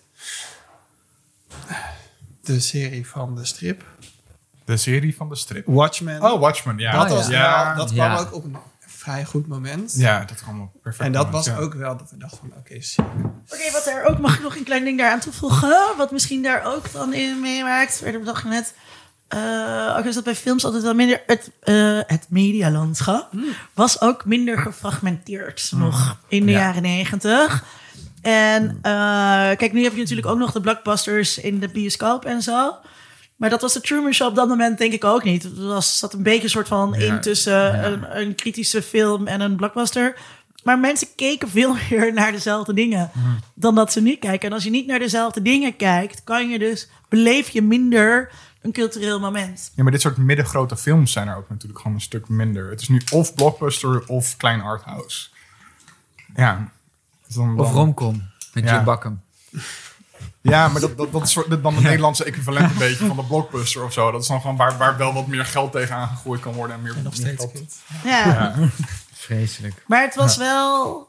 ehm, voor mij was het wel echt een hele. Ja, ja, Ja, een, een heel, heel ding. ja. Mag ik een, eh, vergelijking leggen? We hadden het net over. Dus tussen de Truman Show 1998 en de Matrix. En dat ze eigenlijk soort van het precies tegenovergestelde van elkaar zijn qua wat het verhaal doet. Want je hebt die scène dat, hij met, dat Truman met zijn vriend op het strand zit, kijkt naar de zon. En dan vraagt hij zo van, ja, maar ik heb het gevoel dat dan mensen om me heen, die zitten dan, eh, die zitten met, ja, zit jij er eigenlijk ook in dit complot? En dan zegt die vriend zo, is dan heel goed aan het acteren nee, hij zegt, there is no it to be in on. En dat is eigenlijk het tegenovergestelde van de red and blue pill scène. Van je kan nu kiezen om uit de illusie te breken. Ehm, dus hij is de anti-Morpheus die hem in de illusie houdt. Ja. Ah joh, dat soort je- gedachten hebben we allemaal wel eens. We denken allemaal wel eens dat de wereld om ons, om ons heen draait, zegt hij ook op een gegeven moment. Ja, Mag ik nog even onderstrepen? Niet? Ik weet niet hoe lang we Nee, nog... nee, Nee, nee, oh, dat ik dacht dat ik dacht dat er nog iets is kwam. de vraag van, is het, zijn het echt tegenovergestelde films? Maar uiteindelijk maken ze wel Oh, hetzelfde punt een beetje. Mm. nou, dat nee, is niet hetzelfde juist- punt, maar, maar ze zijn vergelijkbaar in dat want de echte wereld wordt uiteindelijk geopenbaard. En, Het Precies, idee dat er verschil is tussen, ja. tussen, tussen geleefde realiteit en de de, echte die wereld. Ja. hyperrealiteit. Ja. En, eh, ja. Lekker, Baudrillard. Die Marlon, Ja. die beste vriend, die zegt aan het begin eh, van de film... als hij dus een soort meta-commentaar aan het geven is... waarschijnlijk voor een ander televisieprogramma... over zijn rol als Marlon, de beste vriend van Mhm. Truman. There's nothing fake it's merely controlled. En eh, dat is de premisse van reality TV. En wat, dat is iets wat we... Ik weet niet of dat toen mediawetenschappers denk ik nog niet zo goed door hadden. Maar dat is wat reality televisie is. En wat heel veel mensen niet begrijpen. Dus eh, er, een van de voorlopers van reality televisie is natuurlijk... ehm, Echte meisje in de jungle. Ehm, de Jerry Springer Show. Ja. En uh, dus Jerry Ja. Springer Show, een talkshow waarin Een soort klespodcast. Dan. ehm, hele heftige onderwerpen kwamen. Hij is eh, zwanger van, eh, nou ja, waar mensen op het podium geconfronteerd werden met eh, bepaalde werk, met bepaalde dingen uit de werkelijkheid. Gaat vreemd, is, is de, de baby daddy klopt niet, zeg maar dat soort dingen. En die mensen op het podium, die reageerden daarop. En die reageerden heel vaak heel heftig. En dan werd er met stoelen gegooid en zo. En de hele tijd ging het gesprek erover. Die mensen op het podium zijn niet echt, dat zijn acteurs. Ja, ja, ja. Eh, terwijl, en dat is over reality nog steeds, is dat de vraag. Zijn de deelnemers aan Temptation Island wel echt? Of zijn er niet een... eh, Zijn, zijn, het niet, zijn het niet influencers die eigenlijk hier... Ja, Meestal wel. Nou, het zijn vaak mensen die graag op televisie willen. Ja. Maar het zijn geen acteurs. Ehm, in de zin dat zij, er ligt geen script klaar. Nee. Wat, er gebeurt, wa- wat er gebeurd is. There's nothing fake, it's merely controlled. Ja, het zijn de producers die wel zeggen... kunnen jullie nu even hier gaan zitten... en eventjes over gaan praten over wat er gisteravond Ja, gebeurde? en überhaupt is Temptation Island geen eh, echte setting.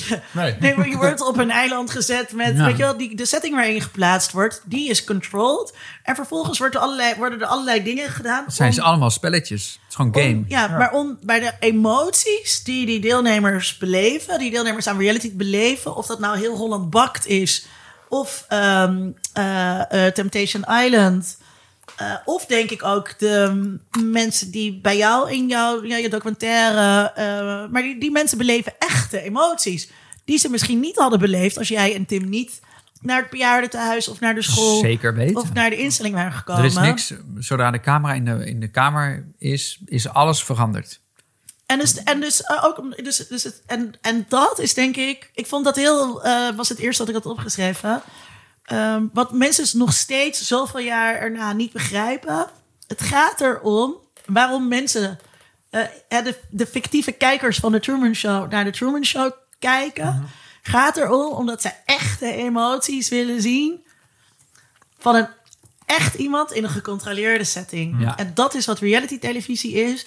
En dat is de, de les die we daaruit Maar dat eh, is leren. ook documentaire hoor. Dat zijn documentaires ook. Ja, het is heel moeilijk om de grens aan te geven tussen reality en documentaire. Want dat is heel Behalve vaak, eh, documentaires worden gemaakt door... eh, eh, eh, eh, dat is een soort high, high hoe zeg je dat? Hoge cultuur. En reality televisie. Ja, maar in ja, wezen... ehm, Genre technisch is het heel moeilijk. Ja, want, want op het moment dat een camera binnenkomt en eh, ook al praat, gaat het over een eh, hele oude moordzaak of gaat het over een, een, een fa- familiedrama, dwing je de mensen om voor de camera in hun emoties te komen. En een goede documentairemaker wil ook op een gegeven moment dat hun zijn onderwerp eh, bij zijn emoties Ja. komt. En je doet van alles om daar naartoe te gaan. Of, of je nou, weet je, bij eh, het zaad van Karbaat, de mensen weer worden de, Zo, dat was echt ziek. worden de mensen weer teruggelegd op, op de bank van eh, de, de zaaddokter. De documentaire Zaad van Karbaat. Van Mirjam Goedman. Driedelige serie vorig jaar uitgekomen. Ja, over een, eh, een dokter, een spermadokter... die zijn eigen zaad in Oh. eh, viriliteits... Nee, een viriliteitsdokter. Ja, ja. maar ja, zijn zaad en van twee andere mannen. Ja, hij deed ander zaad in de vrouwen... eh be- bezwanger die de vrouwen mee. En waaronder dus eigen zaad. Ehm, en in die documentaire worden ook vrouwen bijvoorbeeld weer op die... in de nagemaakte bank van die dokter gelegd en dan geïnterviewd. Oh, Ja, het is heel mooi. Het is maar dat vind ik prachtig. wel heel heftig. Het is ook Ja, het is- heel sick. Het is heel What sick, maar het gaat eigenlijk eh, het gaat heel erg over je, als je iets maakt over je morele kompas. Dat eigenlijk en je, en je, je intenties. Maar het is altijd wikken en wegen, ingrijpen in de realiteit, eh, soms parasiteren. Eh, ja, moet ik doorpraten? Er gebeurt, er gebeurt van alles. Ik wist niet. De regisseurs doen En ik iets. moest dit aan mijn trui Oh, oh, nee. Die pak ik snel. Eh, maar goed, dus is het helemaal niet reality TV eigen. Dat is gewoon, het is tv eigen, het is media eigen eigenlijk. Podcast hetzelfde. Ehm, ik ik, ik eh, krijg van Linda een blaadje in. Ik zeg het even. heel Regisseur. subtiel. De nootjes Ik word zijn op. geregisseerd. Ehm, Linda wil graag dat ik het heb over de ethiek. eh, eh, eh, dat ik zelf in mijn draaiboek zeg maar Linda, stuur me daar nu heen. Over de ethiek van, van, van Truman vasthouden vanaf zijn geboorte. Vraagteken. Ja, is jammer, ja. ik, wil niet, ik wil niet de presentatie van deze podcast overnemen, maar eh, die vraag is denk ik wel belangrijk. Stel hem aan Lieve of zo. Oké, lieve. Hoe ethisch is het? Jij, jij afgestudeerd filosoof. Dan moet ik altijd mensen corrigeren dat het gaat over een vraag van moraliteit. Het gaat Het is over goed en slecht. aan mensen met een bachelor in filosofie. eh. En de ethiek, dat is een grotere vraag. Of, ja. Ehm, Hoe ethisch is het? Nee, het is 90s. ja, het is heel nice. Ja, ja. het is wel echt nice. Ja, het is echt 90s. ja. Ehm, nou ja, het, ik had het, dat zei ik net ook al. Van, je ontneemt iemand zijn agency heel erg door de, de rest van zijn leven te anseneren. En ik denk dat we dat toch wel in de liberale maatschappij in ieder geval niet eh, als ethisch beschouwen. Ehm, maar in de 90s, ja, ehm, nee, ik zou het ook niet oké vinden, toch? Nee. Waarom smulden we daar zo van in de 90s? Wie waren we in de 90s? Te gelukkige mensen. Denk je? Was Daar ben Ja. ik nog steeds heel erg van. Ja. Ik ben zo lekker gegaan op bed and breakfast vol liefde. Als ik, ik, ik, ben- ik ben sowieso ik ben een extreme reality fan. Maar ik vind ook dat ehm, je kunt eigenlijk... Sorry Nicolaas. Je kunt eigenlijk geen eh, reality televisie maken die ethisch verantwoord is. Omdat er dus altijd sprake is van een machtsrelatie tussen Ja. de makers en de deelnemers. En die is altijd, die is altijd ongelijk. En je kunt Ja. die deelnemers nou eenmaal niet zeggenschap en controle geven over montage, hoe ze in beeld gebracht worden, Nee. eh, al die dingen. En, en, en we weten ook uit onderzoek met makers dat makers allemaal zeggen: ik zou zelf nooit deelnemen aan ehm, wat iets anders is wat jij natuurlijk doet. Ja. Want dan ben je nog steeds maker. Ehm, dus zelfs heel Holland bakt. eh, kan je, wat ik zeg maar altijd graag gebruik als soort voorbeeld van eh, de meest zoetsappige, Is onethisch. goed bedoelde, is, is onethisch. En daarvan weten we ook dat er mensen zijn Ja. geweest die daar aan deel hebben genomen. Die zeiden, ja, ik werd neergezet als de bitch, terwijl ik dat niet was. En eh, er zat een voice-over stem bij. En die zette mij elke keer als een bepaald type neer. Ja. Ja, want je wordt tot een, tot een personage gemaakt. Ja, maar ja, Ja. dat is natuurlijk omdat ze in reality tv zijn ze op zoek naar eh, een bepaald soort spanningsboog, een bepaalde drama die een Conflict. Nou ja, bepaald en je, verhaal, en je moet het, je en- moet ja. het indikken. Ja. Ik heb deze vraag ook altijd dat ik denk, shit, doe je diegene wel eer aan? Hmm. Want ja, kijk, ik kan, eh, je hebt ook maar 40 minuten. Weet je wel? Dus, En je ja, moet een herkenbaarheid voor de kijker creëren. Ja. En je moet het nooit, je moet het altijd wel met een goed kompas doen. Maar ook al doe je het met een goed kompas, kan je, is, kan je nog steeds de case maken dat je parasiteert op het drama van de ander. Op de emoties, maar ook je bent dus emoties van anderen aan het uitlokken die ze waarschijnlijk niet hadden gehad eh, als jij niet Ja, met je, camera langs was gekomen. dat ze Maar niet- kijk, en dan, ga je, en dan daar, daar kan je wel een, een andere denkwijze tegenover stellen. Je gaat er dan vanuit alsof het slecht is dat iemand emoties ervaart. Hmm. Als je ze interviewt, dan hè. Ik bedoel, ik, ga, ik heb het niet over dat je iemand van een klif gooit. In, Zijn eh, vader laat doodgaan in een heftige storm in een op heftige zee. storm. En dan kijken wat hij doet. Maar je kan bijvoorbeeld in een interview, eh, als iemand ziek is, of ik heb een keer een man eh, ge- geportretteerd in, eh, in Autopia. Die, en zijn vriendin, die, die man had enorme Alzheimer en dat speelde zich voor de camera uit. Dan denk je, oh, ik ben erbij. En die, en die man zei tegen zijn vrouw: Ik weet nog wel hoe we elkaar ontmoeten. Kwam bij jou schilderen, hè, schat. En zei die vrouw: Nee, lieverd, je hebt, eh, je hebt nooit bij mij geschilderd. En die man werd heel boos, want dat was zijn, ja, zijn eh, eh, waarheid op dat moment. Jawel, ik weet, ik weet het als gisteren. Ik heb jou geschilderd. Zei ze, schat, ophouden nou. Je hebt niet bij me geschilderd. Dus er had een soort clash over... eh, ja, die, die vrouw wou die ziekte niet accepteren, dus die ging niet met hem meepraten. Nee.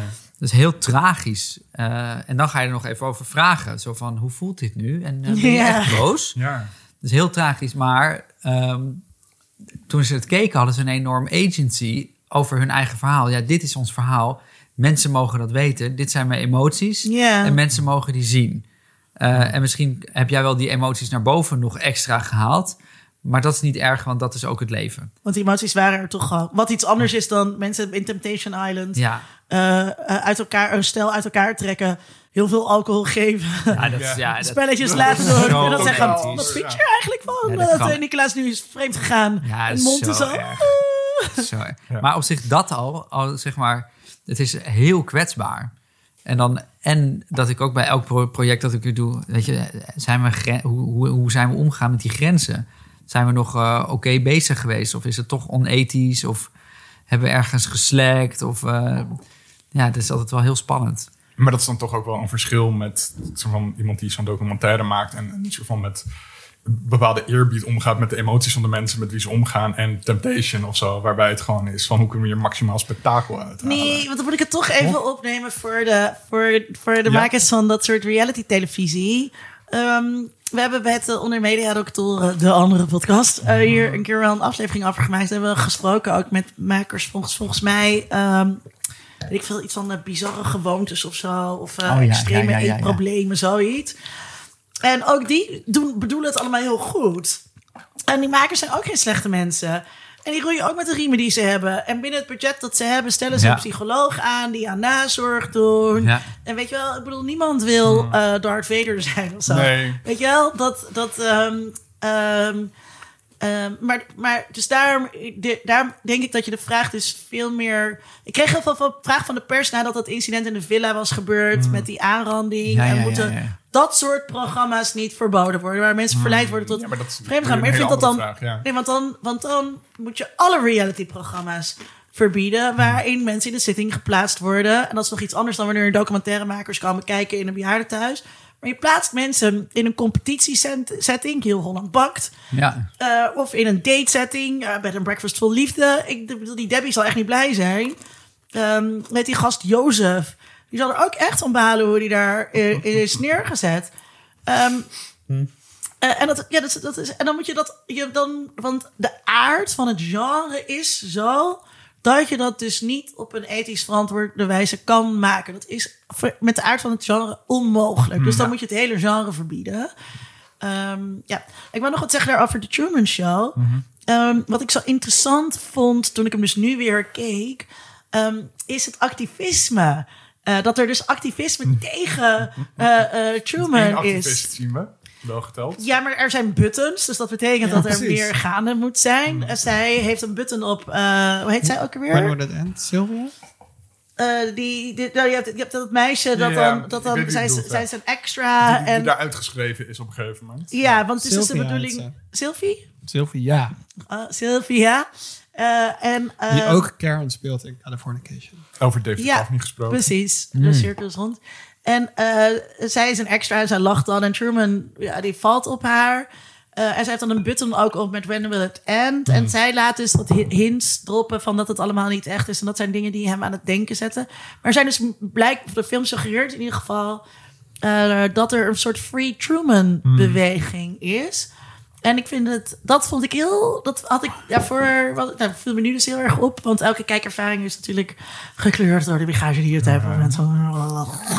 Ehm, eh, dat, dat, zo'n beweging is er dus eigenlijk helemaal niet tegen reality televisie. Omdat dat ook, ja, je hebt bij een breakfast van liefde en eh kopen zonder kijken. En je hebt dus niet één show waar Nee. iedereen naar kijkt.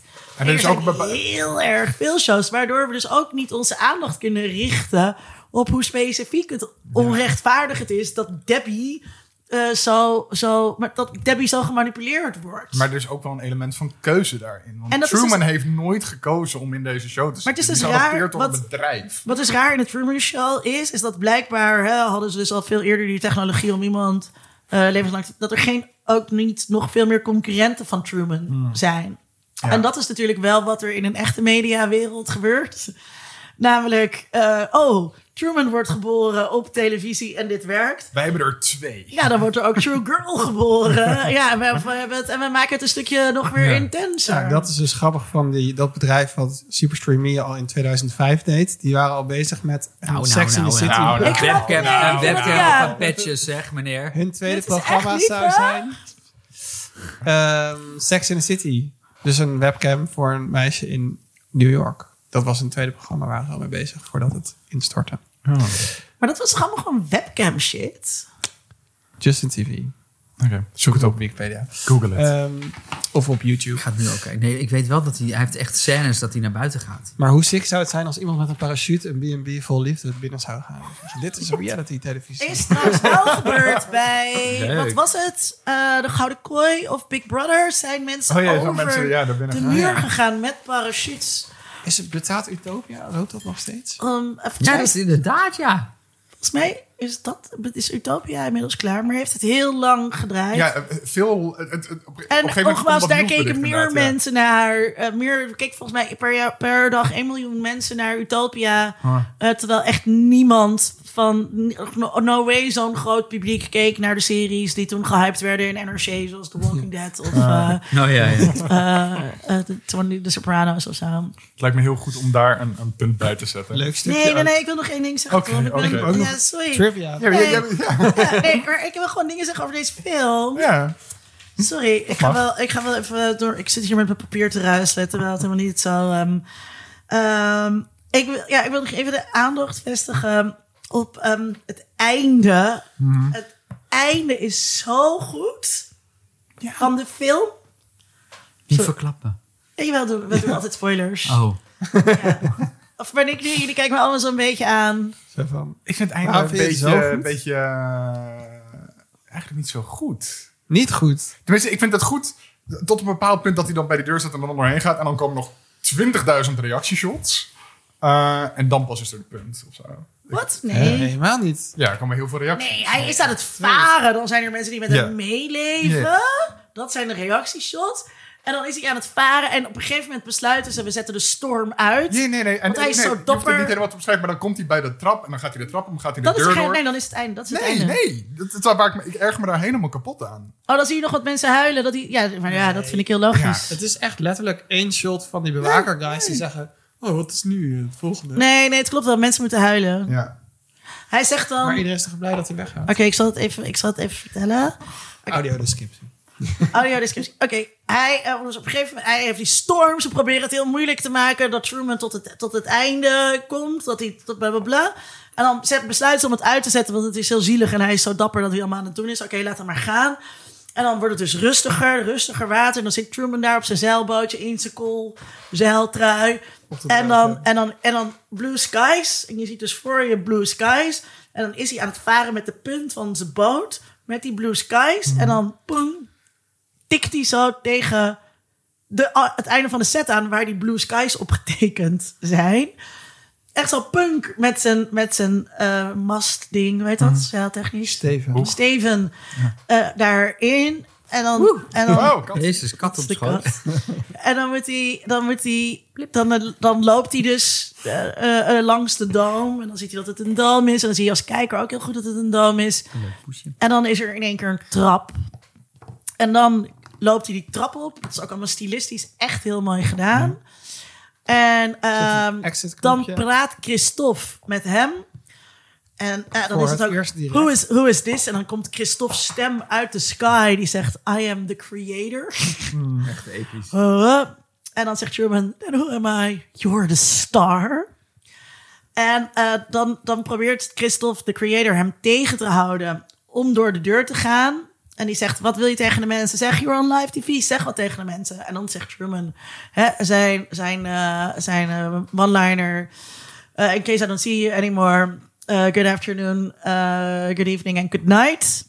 En dan loopt hij door de deur en dan zie je in het publiek mensen juichen en huilen en helemaal blij zijn. En die audience reaction, die vond je stom. Ja, ik had daar gewoon een punt gewild. En ik vind ook, ja, ik, ik vond het niet helemaal... Nee, maar dat laat ja, dus nou, vond- zien nee, dat nee, het... maar- als- nee, gewoon verder, verder vond ik het niet zo'n... zo'n- ja, nee, het, deed me gewoon niet zoveel. Zoals Maar het jou was wel- deed. Maar dat hele, maar dat met die Steven tegen die muur aan, dat is toch briljant? En eh, de Christophe zegt ook nog... There's no more truth out Heb there ik ook geschreven. than There's no more the truth out there. Ja. Ja, maar en dat vind ik dus wel een interessante vraag. Van, is het beter voor hem binnen de muren onwetend Ja, zijn? maar dat is het- gewoon het- Plato's allergie van de... Ja, alle- daar wou ik het ook nog over hebben, inderdaad. Eh, Zit eh, Allegory of the Cave. Plato. Ja. Dus het is Oh, gewoon weer Tom. Plato. Maar Tom, ja, nou, heb maar niet uit, we kunnen het toch wel over hebben. Waar was het? eh, kan Truman wel bestaan buiten... Oh, dat heb ik er boven. Ja, hier. Kan Truman wel overleven in de buitenwereld? Nee, natuurlijk niet. Hoe was de terugkeer voor Nicolaas? Oeh, dat is een mooi bruggetje. Nee, dat heb ik ook gewoon als vraag opgeschreven. In de echte wereld. Hoe ging jij van, van 24 uur per dag gestreamd worden... naar weer privacy hebben en Was er een welkom terugfeest? Nee. met al je echte vrienden Oh. en seks met Monte? ik ging met Monte naar de Filipijnen, maar die gingen op vakantie met een monster. Want ik was echt... eh, ik denk echt dat ik overspannen was. Denk ik. Ja, weet ik wel. Ik was, ik was niet burn-out, maar ik was zwaar overspannen. En ik zat helemaal in dat project. En nou, dat project was alles voor me. Kon je, had je, kon je, wist je nog wel wat je uitstand was? Zei je niet Nee. tegen Monte 's ochtends... Hoi Monte, welkom bij een nieuwe aflevering van Nee. de vakantie tussen Monte en Nicolaas. Vandaag in de show. Dat was dat maar zo, het maar zo leuk. Maar ik was heel erg gestrest, gewoon omdat je heel de tijd zo die input. Dus je zit heel erg in je hoge. Eh, ja, hoe zeg je dat nou? In je, in je, En je energie. in je energie. En je- en je bent heel geprikkeld en alert. En, en En dan is Ja, alles je- ook te veel. je, alles is te veel en je moet echt een cooling down doen. Ehm, maar ik, ik kan dat dan niet zo goed met iemand erbij. Want dan ga ik alles projecteren op diegene. Want dan, eh, elk geluidje is dan heftig. Elk, elk eh, ja, zeg maar als ik in een heftige overlevingsstand sta eigenlijk... dan vind ik, is, is, dan is alles een trigger. Dus dat is heel zielig voor je partner. Want dan denk ik, hoezo doe je zo? Hoezo kijk je zo naar me? Waarom heb je dit aan? Ik ben echt stom. Dus ik was echt gewoon echt verschrikkelijke partner. En toen ging ik naar de Filipijnen om lekker vakantie te vieren. Maar ik moest nog een cooling down periode hebben. Ja. Dus, eh, Werd je überhaupt... Was er een debriefing met een psycholoog? Nee. Was dat niet... Ja, ik had had, je dat ik, niet ik had wel mijn eigen psycholoog natuurlijk. Ja, die had je al. Die had ik al. Die, eh, maar het was niet een debrief. Nee, we hebben eigenlijk niet zo goed voor onszelf gezorgd toen. Het was veel heftiger dan we hadden gedacht. Ja. Ja. Dus eh, ja, ik was gewoon overspannen. Maar we waren ook natuurlijk, kijk, dat is het stomme. Want je bent en nog, je bent en het object en je bent zeg, de maker. Ja, En dus als maker dachten, niet klaar. stonden we in alle kranten, mochten we overal aanschuiven. Dachten we, het is een succes, het experiment is geslaagd. Ja. En Dus je moet natuurlijk dan ook weer aanstaan Ja, in zo'n televisie Ja, maar dat, is dan, interview. maar dat is dan nog even lekker op diezelfde hype. Je Ja. ziet ook die ogen van ons dan helemaal Ja. zo wijd. De aderen zo. Zoals Ren en Stimpy zo af en toe kon ik kijken. Zo, ah, attention, yes. Maar Dus- ja, was het, ja, ik me voorstellen dat het heel, ehm Maar hoe dat druggy, dan? dru- dru- heel druggy was. Heel dat druggy, het helemaal ja. niet nodig was dat Tim soms ging Ja, snuiven op de camera. Want het toch al high was van al die ogen. Ik Maar hoe is dat dan om die high, edit daarna te doen? Dat je dan daarna nog soort van, als een soort autopsie door iets dat dan eigenlijk heel kut en zwaar was, dat je dan Ja. heen gaat. Maar dat deed ik ook. En, Dus je hebt ik ook die nog- edit gedaan. Ja, Ja. wel mee met de anderen hoor. Met eh Anouk, de hoofdredacteur, en eh Joël, de editor. En, nog, eh, en er waren mensen tegelijkertijd toen het werd gefilmd, werd er ook al gespot. Oké. Dus er waren enorme Leg even spot uit voor de Ja, kijker die dat sp- niet weet. eh, voor de, de luisteraar. Kijkers Spotten is zeg maar dat je alles gaat kijken wat er is opgenomen. En dan ga je eigenlijk opschrijven wat er is gezegd, wat er gebeurt. En tegelijkertijd eigenlijk al in deze functie dan ook aanvinken wat interessant was. Dus we hadden zo'n heel document van wat interessant was. En daarvan moesten we eigenlijk een nieuwe vertelling gaan maken. Dus ik ging ook dan daarnaast eh, eh, ja, intellectuelen of professoren of privacy experts interviewen. Die dan ook fragmenten moesten kijken uit onze experimenten om het te duiden. Maar ja. Ik vond die docu, maar volgens mij heb ik dat toen ook een keer gezegd. eh, Zo'n avond, eh weet alles. Ik vond die docu dus heel kut. Oh. Ja, waarom? Dat was, Omdat ik vond het best wel dat goed. Nee, omdat dat dus klassieke televisie was. En dus alles Oh, niet was... en zo op een dak. Ja, was Ja, ja, ja, ja. wetenschapper zat er ook bij. Maar het, nee, het was niet zo kut, want het waren echt hele interessante theorieën die heel begrijpelijk werden uitgelegd. En het was natuurlijk wel met een spanningsboog. En, eh, Het was, ja, het was dus gemaakt via de logica van, van eh, televisie. Eh, met dus de hoogtepunt van de stream en de conflictdingen. En dan dus Hmm. Was deskundigen die ik dan dus stom vond. Zoals Rob Wijnberg. ja. En eh, sorry Rob, als je naar deze podcast luistert. Maar het kan geen verrassing zijn dat ik je niet zo leuk vind. Maar ehm, eh, dat, dat, was heel... Was gewoon zeg maar klassieke televisie over een onderwerp. Bijna alsof die stream niet gebeurd was. Terwijl bij die stream zijn... Zoals Lieve en ik waren, was een hele andere ervaring Ja. om gewoon Maar, Eh, maar het ging ook niet om jullie ervaring in die... die, die, die Het draait die- die- altijd die- om nee, mijn kijkervaring. Het, draaide om hun ervaring met het, met het project. Volgens mij zijn In we weer terug bij narcisme. Nee, het draait, nee, het draait bij. bij ehm, eh, wat was, wat was de, wat was, waarom het zo baanbrekend was voor, voor in, in medialand of in televisieland. Iedereen kan een documentaire maken over oh, 100% per dag aanstaan. En er waren ook wel heel veel mensen geweest die, die, af, offline waren gaan. Weet je, wel, een maand offline, een jaar offline of zo. Dat wa- werd gewoon allemaal thema's. En dan ging je dus Rob Wijnberg, die daar ging over filosoferen tussen dikke aanhalingstekens. Rob, ja, je krijgt dikke aanhalingstekens hier.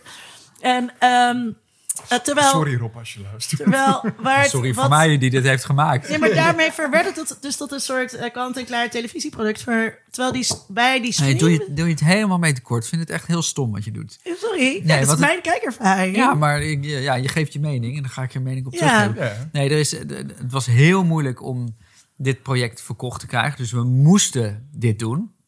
We moesten een docu-serie maken over Ja. het experiment. Anders bestond het experiment niet. Want zo krijg je het experiment gefinancierd. Ja, want het, het was natuurlijk te kinky om en te spannend. Gewoon het, om- daar, het daarmee te laten. ja. Ja. En, En ook eh, omdat ze weten dat er zoveel, max eh 2000 mensen, 3000 mensen gaan kijken naar zo'n screen, eh, naar zo'n stream. Ja. En dat, ja, het moet in een traditioneel format gegooid Ja, en dan, moet, dan, dan kom je op in een heel ander terrein. In plaats van internet-savvy mensen die... Nou ja, uiteindelijk toch nog een half miljoen mensen die dit begrijpen. Dan moet je het naar een heel breed publiek vertalen. En dan heb je... Nou, dan moet je zeg maar de, de kaders gaan geven. Waarom heb je zo'n experiment in godsnaam gedaan? Want anders kijk je naar verouderde reality. Dat je denkt, ja, sorry, geef me iets meer dan alleen de reality. Dus toen hebben we gezorgd naar mensen die het konden duiden. Ook eh Compernolle, meneer Compernolle. Die vond ik een heel intelligente man. Ehm, waardoor je die beelden op een ander niveau kon gaan bekijken. Dus dat is... Je zegt niets anders dan wat ik niks. Wat ik net zei, behalve ehm, dat, eh, dat ik zei, ik vond het niet leuk. Maar je zegt het zelf, dat, want je moet voor zo'n voor zo'n docu tv-reeks moet je terug naar, Ja. naar de logica van reguliere televisie. Ja, dus en je dat moet- was waarom ik het niet leuk vond. Ja, nee, dat snap ik. Maar het- dat is... En Ja, dat doe ik niet mee tekort. Ehm nee, Ja, je Ja, maar ik vond het best met wel zenderbazen die dat hebben gefund, die doe je tekort. Want die kunnen alleen maar denken in die ouderwetse ja. vier. Ja, het was gewoon, het vier, waren, twee, ja, het- ja, je kan het natuurlijk niet leuk vinden. Daar, daar heb ik niks over te zeggen.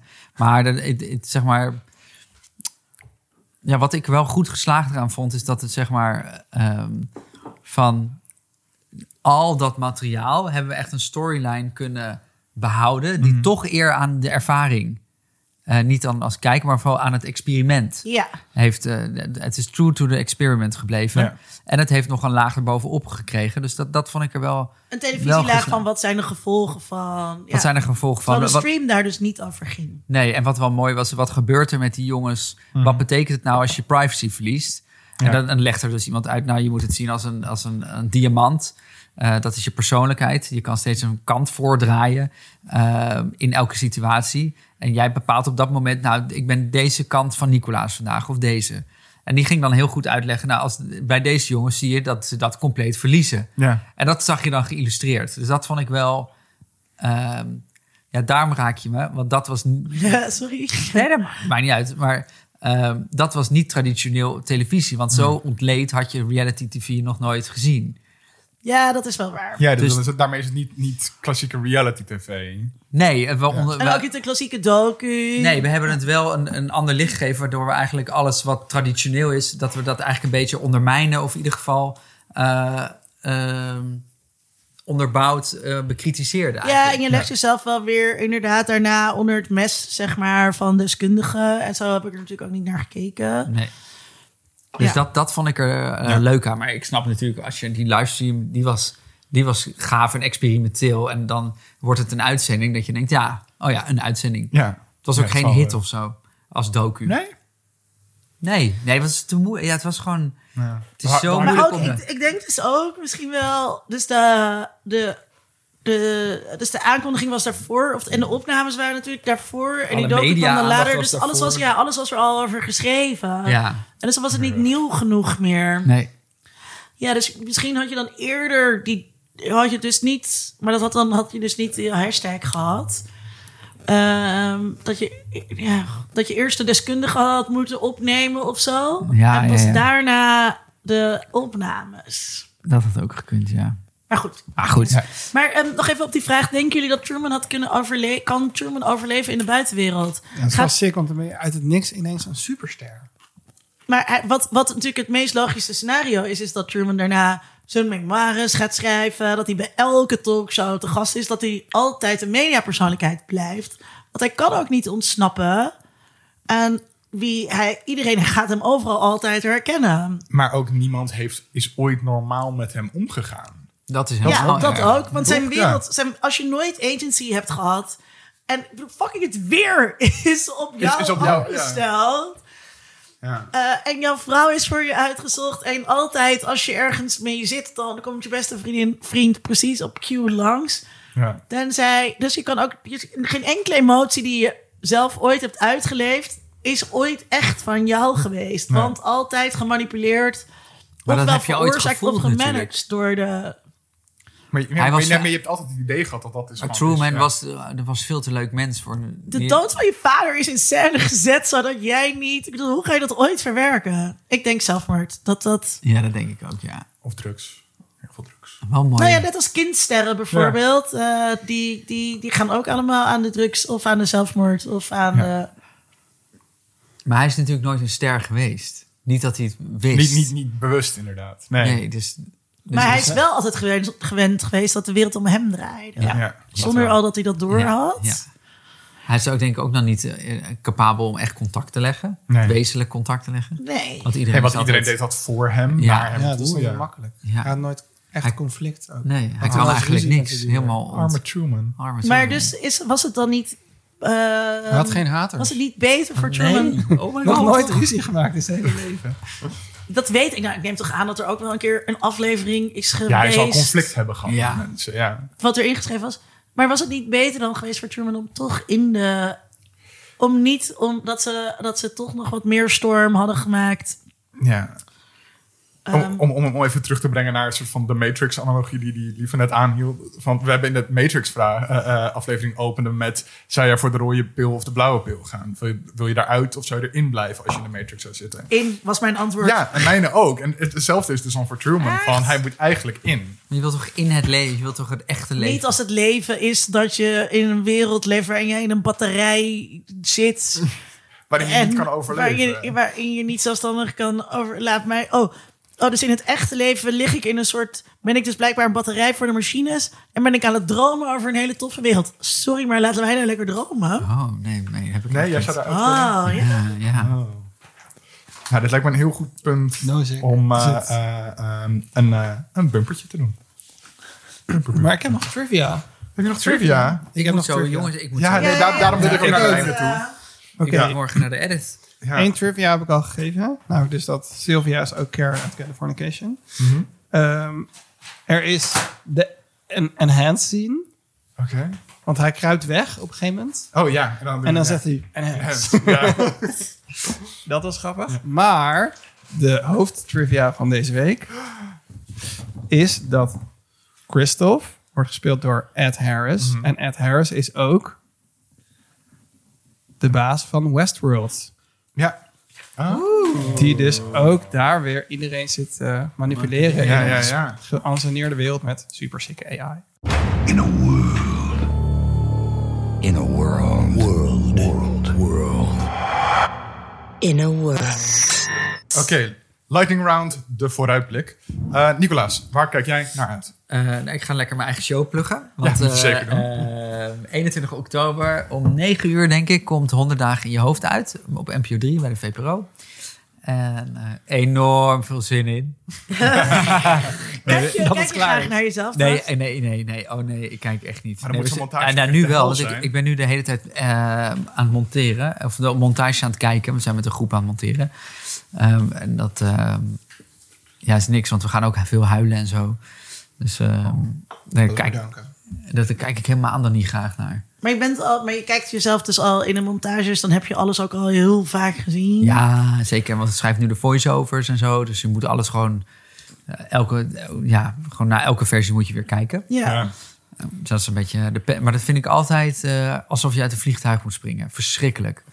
Echt, nee, maar echt gewoon verschrikkelijk. Iemand Gaat zegt, elke keer dat je weer op play drukt, is het gewoon... ja, we gaan vandaag viewen. Denk ik echt, nee. Ja, wat dan ook zeggen, je hebt nog de belofte van je, van je fantasie en je droomproject. Als je nog niet hebt gekeken, en dan zie je de echte beelden. En dan, en dan daarmee moet je gaan werken of zo. Maar het is alsof je, jij moet schilderen, maar met eh, kleuren die je van iemand anders krijgt of zo. Dan Ja. is de, werkelijkheid het is zo anders dan dat je in je Ja, hoofd dat, dat je hebt. in het moment echt denkt van dit is perfect beeldmateriaal. Dan kijk je terug en denk je ja, Ja, waarom deed ik zo?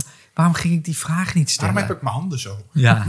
ja, of gewoon ik laat hier echt wat liggen. Oh. Of nou ja, goed. Het is altijd verschrikkelijk. En ik keek dus ook naar iets uit en ben ik dan de naam weer van vergeten. Honolulu, iets met Honolulu. Ja, er is zo'n eh, HBO-serie. Oh, ja, ja, ja, ja, ja. ja En dan, dan gaan ze met z'n allen naar een vakantieoord. Ja. En ik zie alleen maar in mijn stories dat mensen dat echt fantastisch vinden. Maar dan kan ik het nog niet helemaal vinden. Oh, oh, het ik gaat over een vakantieding in Hawaii.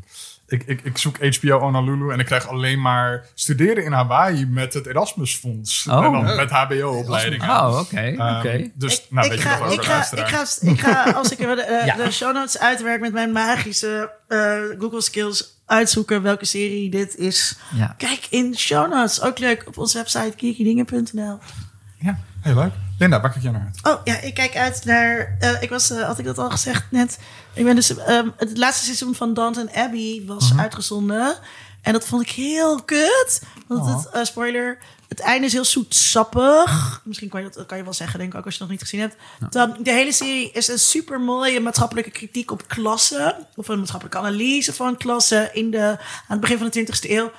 Toen heel erg van genoten. En het, en die, la- dat laatste seizoen is echt ruk. Want dan is alles happy clappy en zo. Tussen de, tussen de working class en de upper. Eh, maar toen dacht ik, wat was het ook weer aan het begin? Eh, dus toen had ik, nadat ik de laatste aflevering had gekeken, had ik die eerst weer aangezet. Dus ik ben nu weer helemaal, zit ik weer in die serie.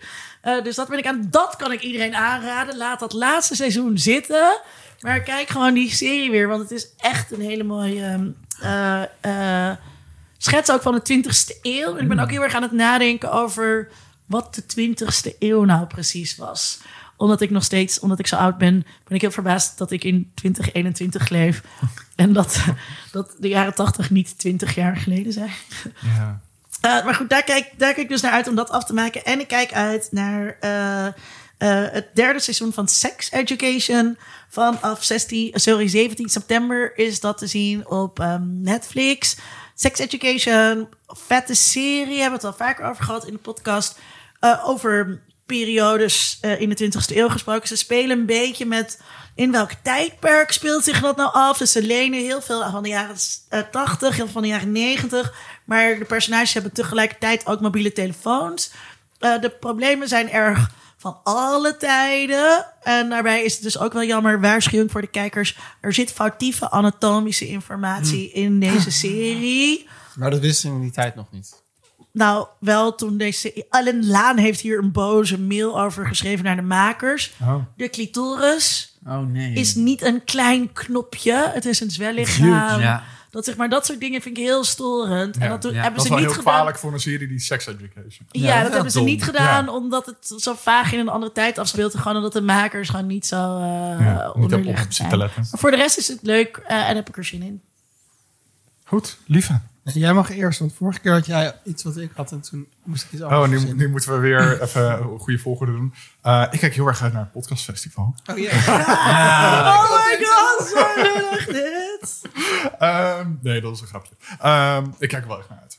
Um, ik kijk heel erg uit naar Dune. Ik heb... Uh, uh, Zie je, die wilde ik zeggen. Oh, Oh ja. sorry. Oh. Ja, ik heb, ik heb vorig jaar het boek gelezen, omdat die toen eigenlijk uit zou komen. Ik heb dit En ook al een keer Ja. de vorige keer getipt. Heb jij dat boek gelezen ook? Nee. Uh, en ik, ik heb nu deze, deze zomervakantie heb ik het tweede boek gelezen. Um, dus ik kijk gewoon heel erg uit naar die film. En we gaan het de volgende keer ook over hebben.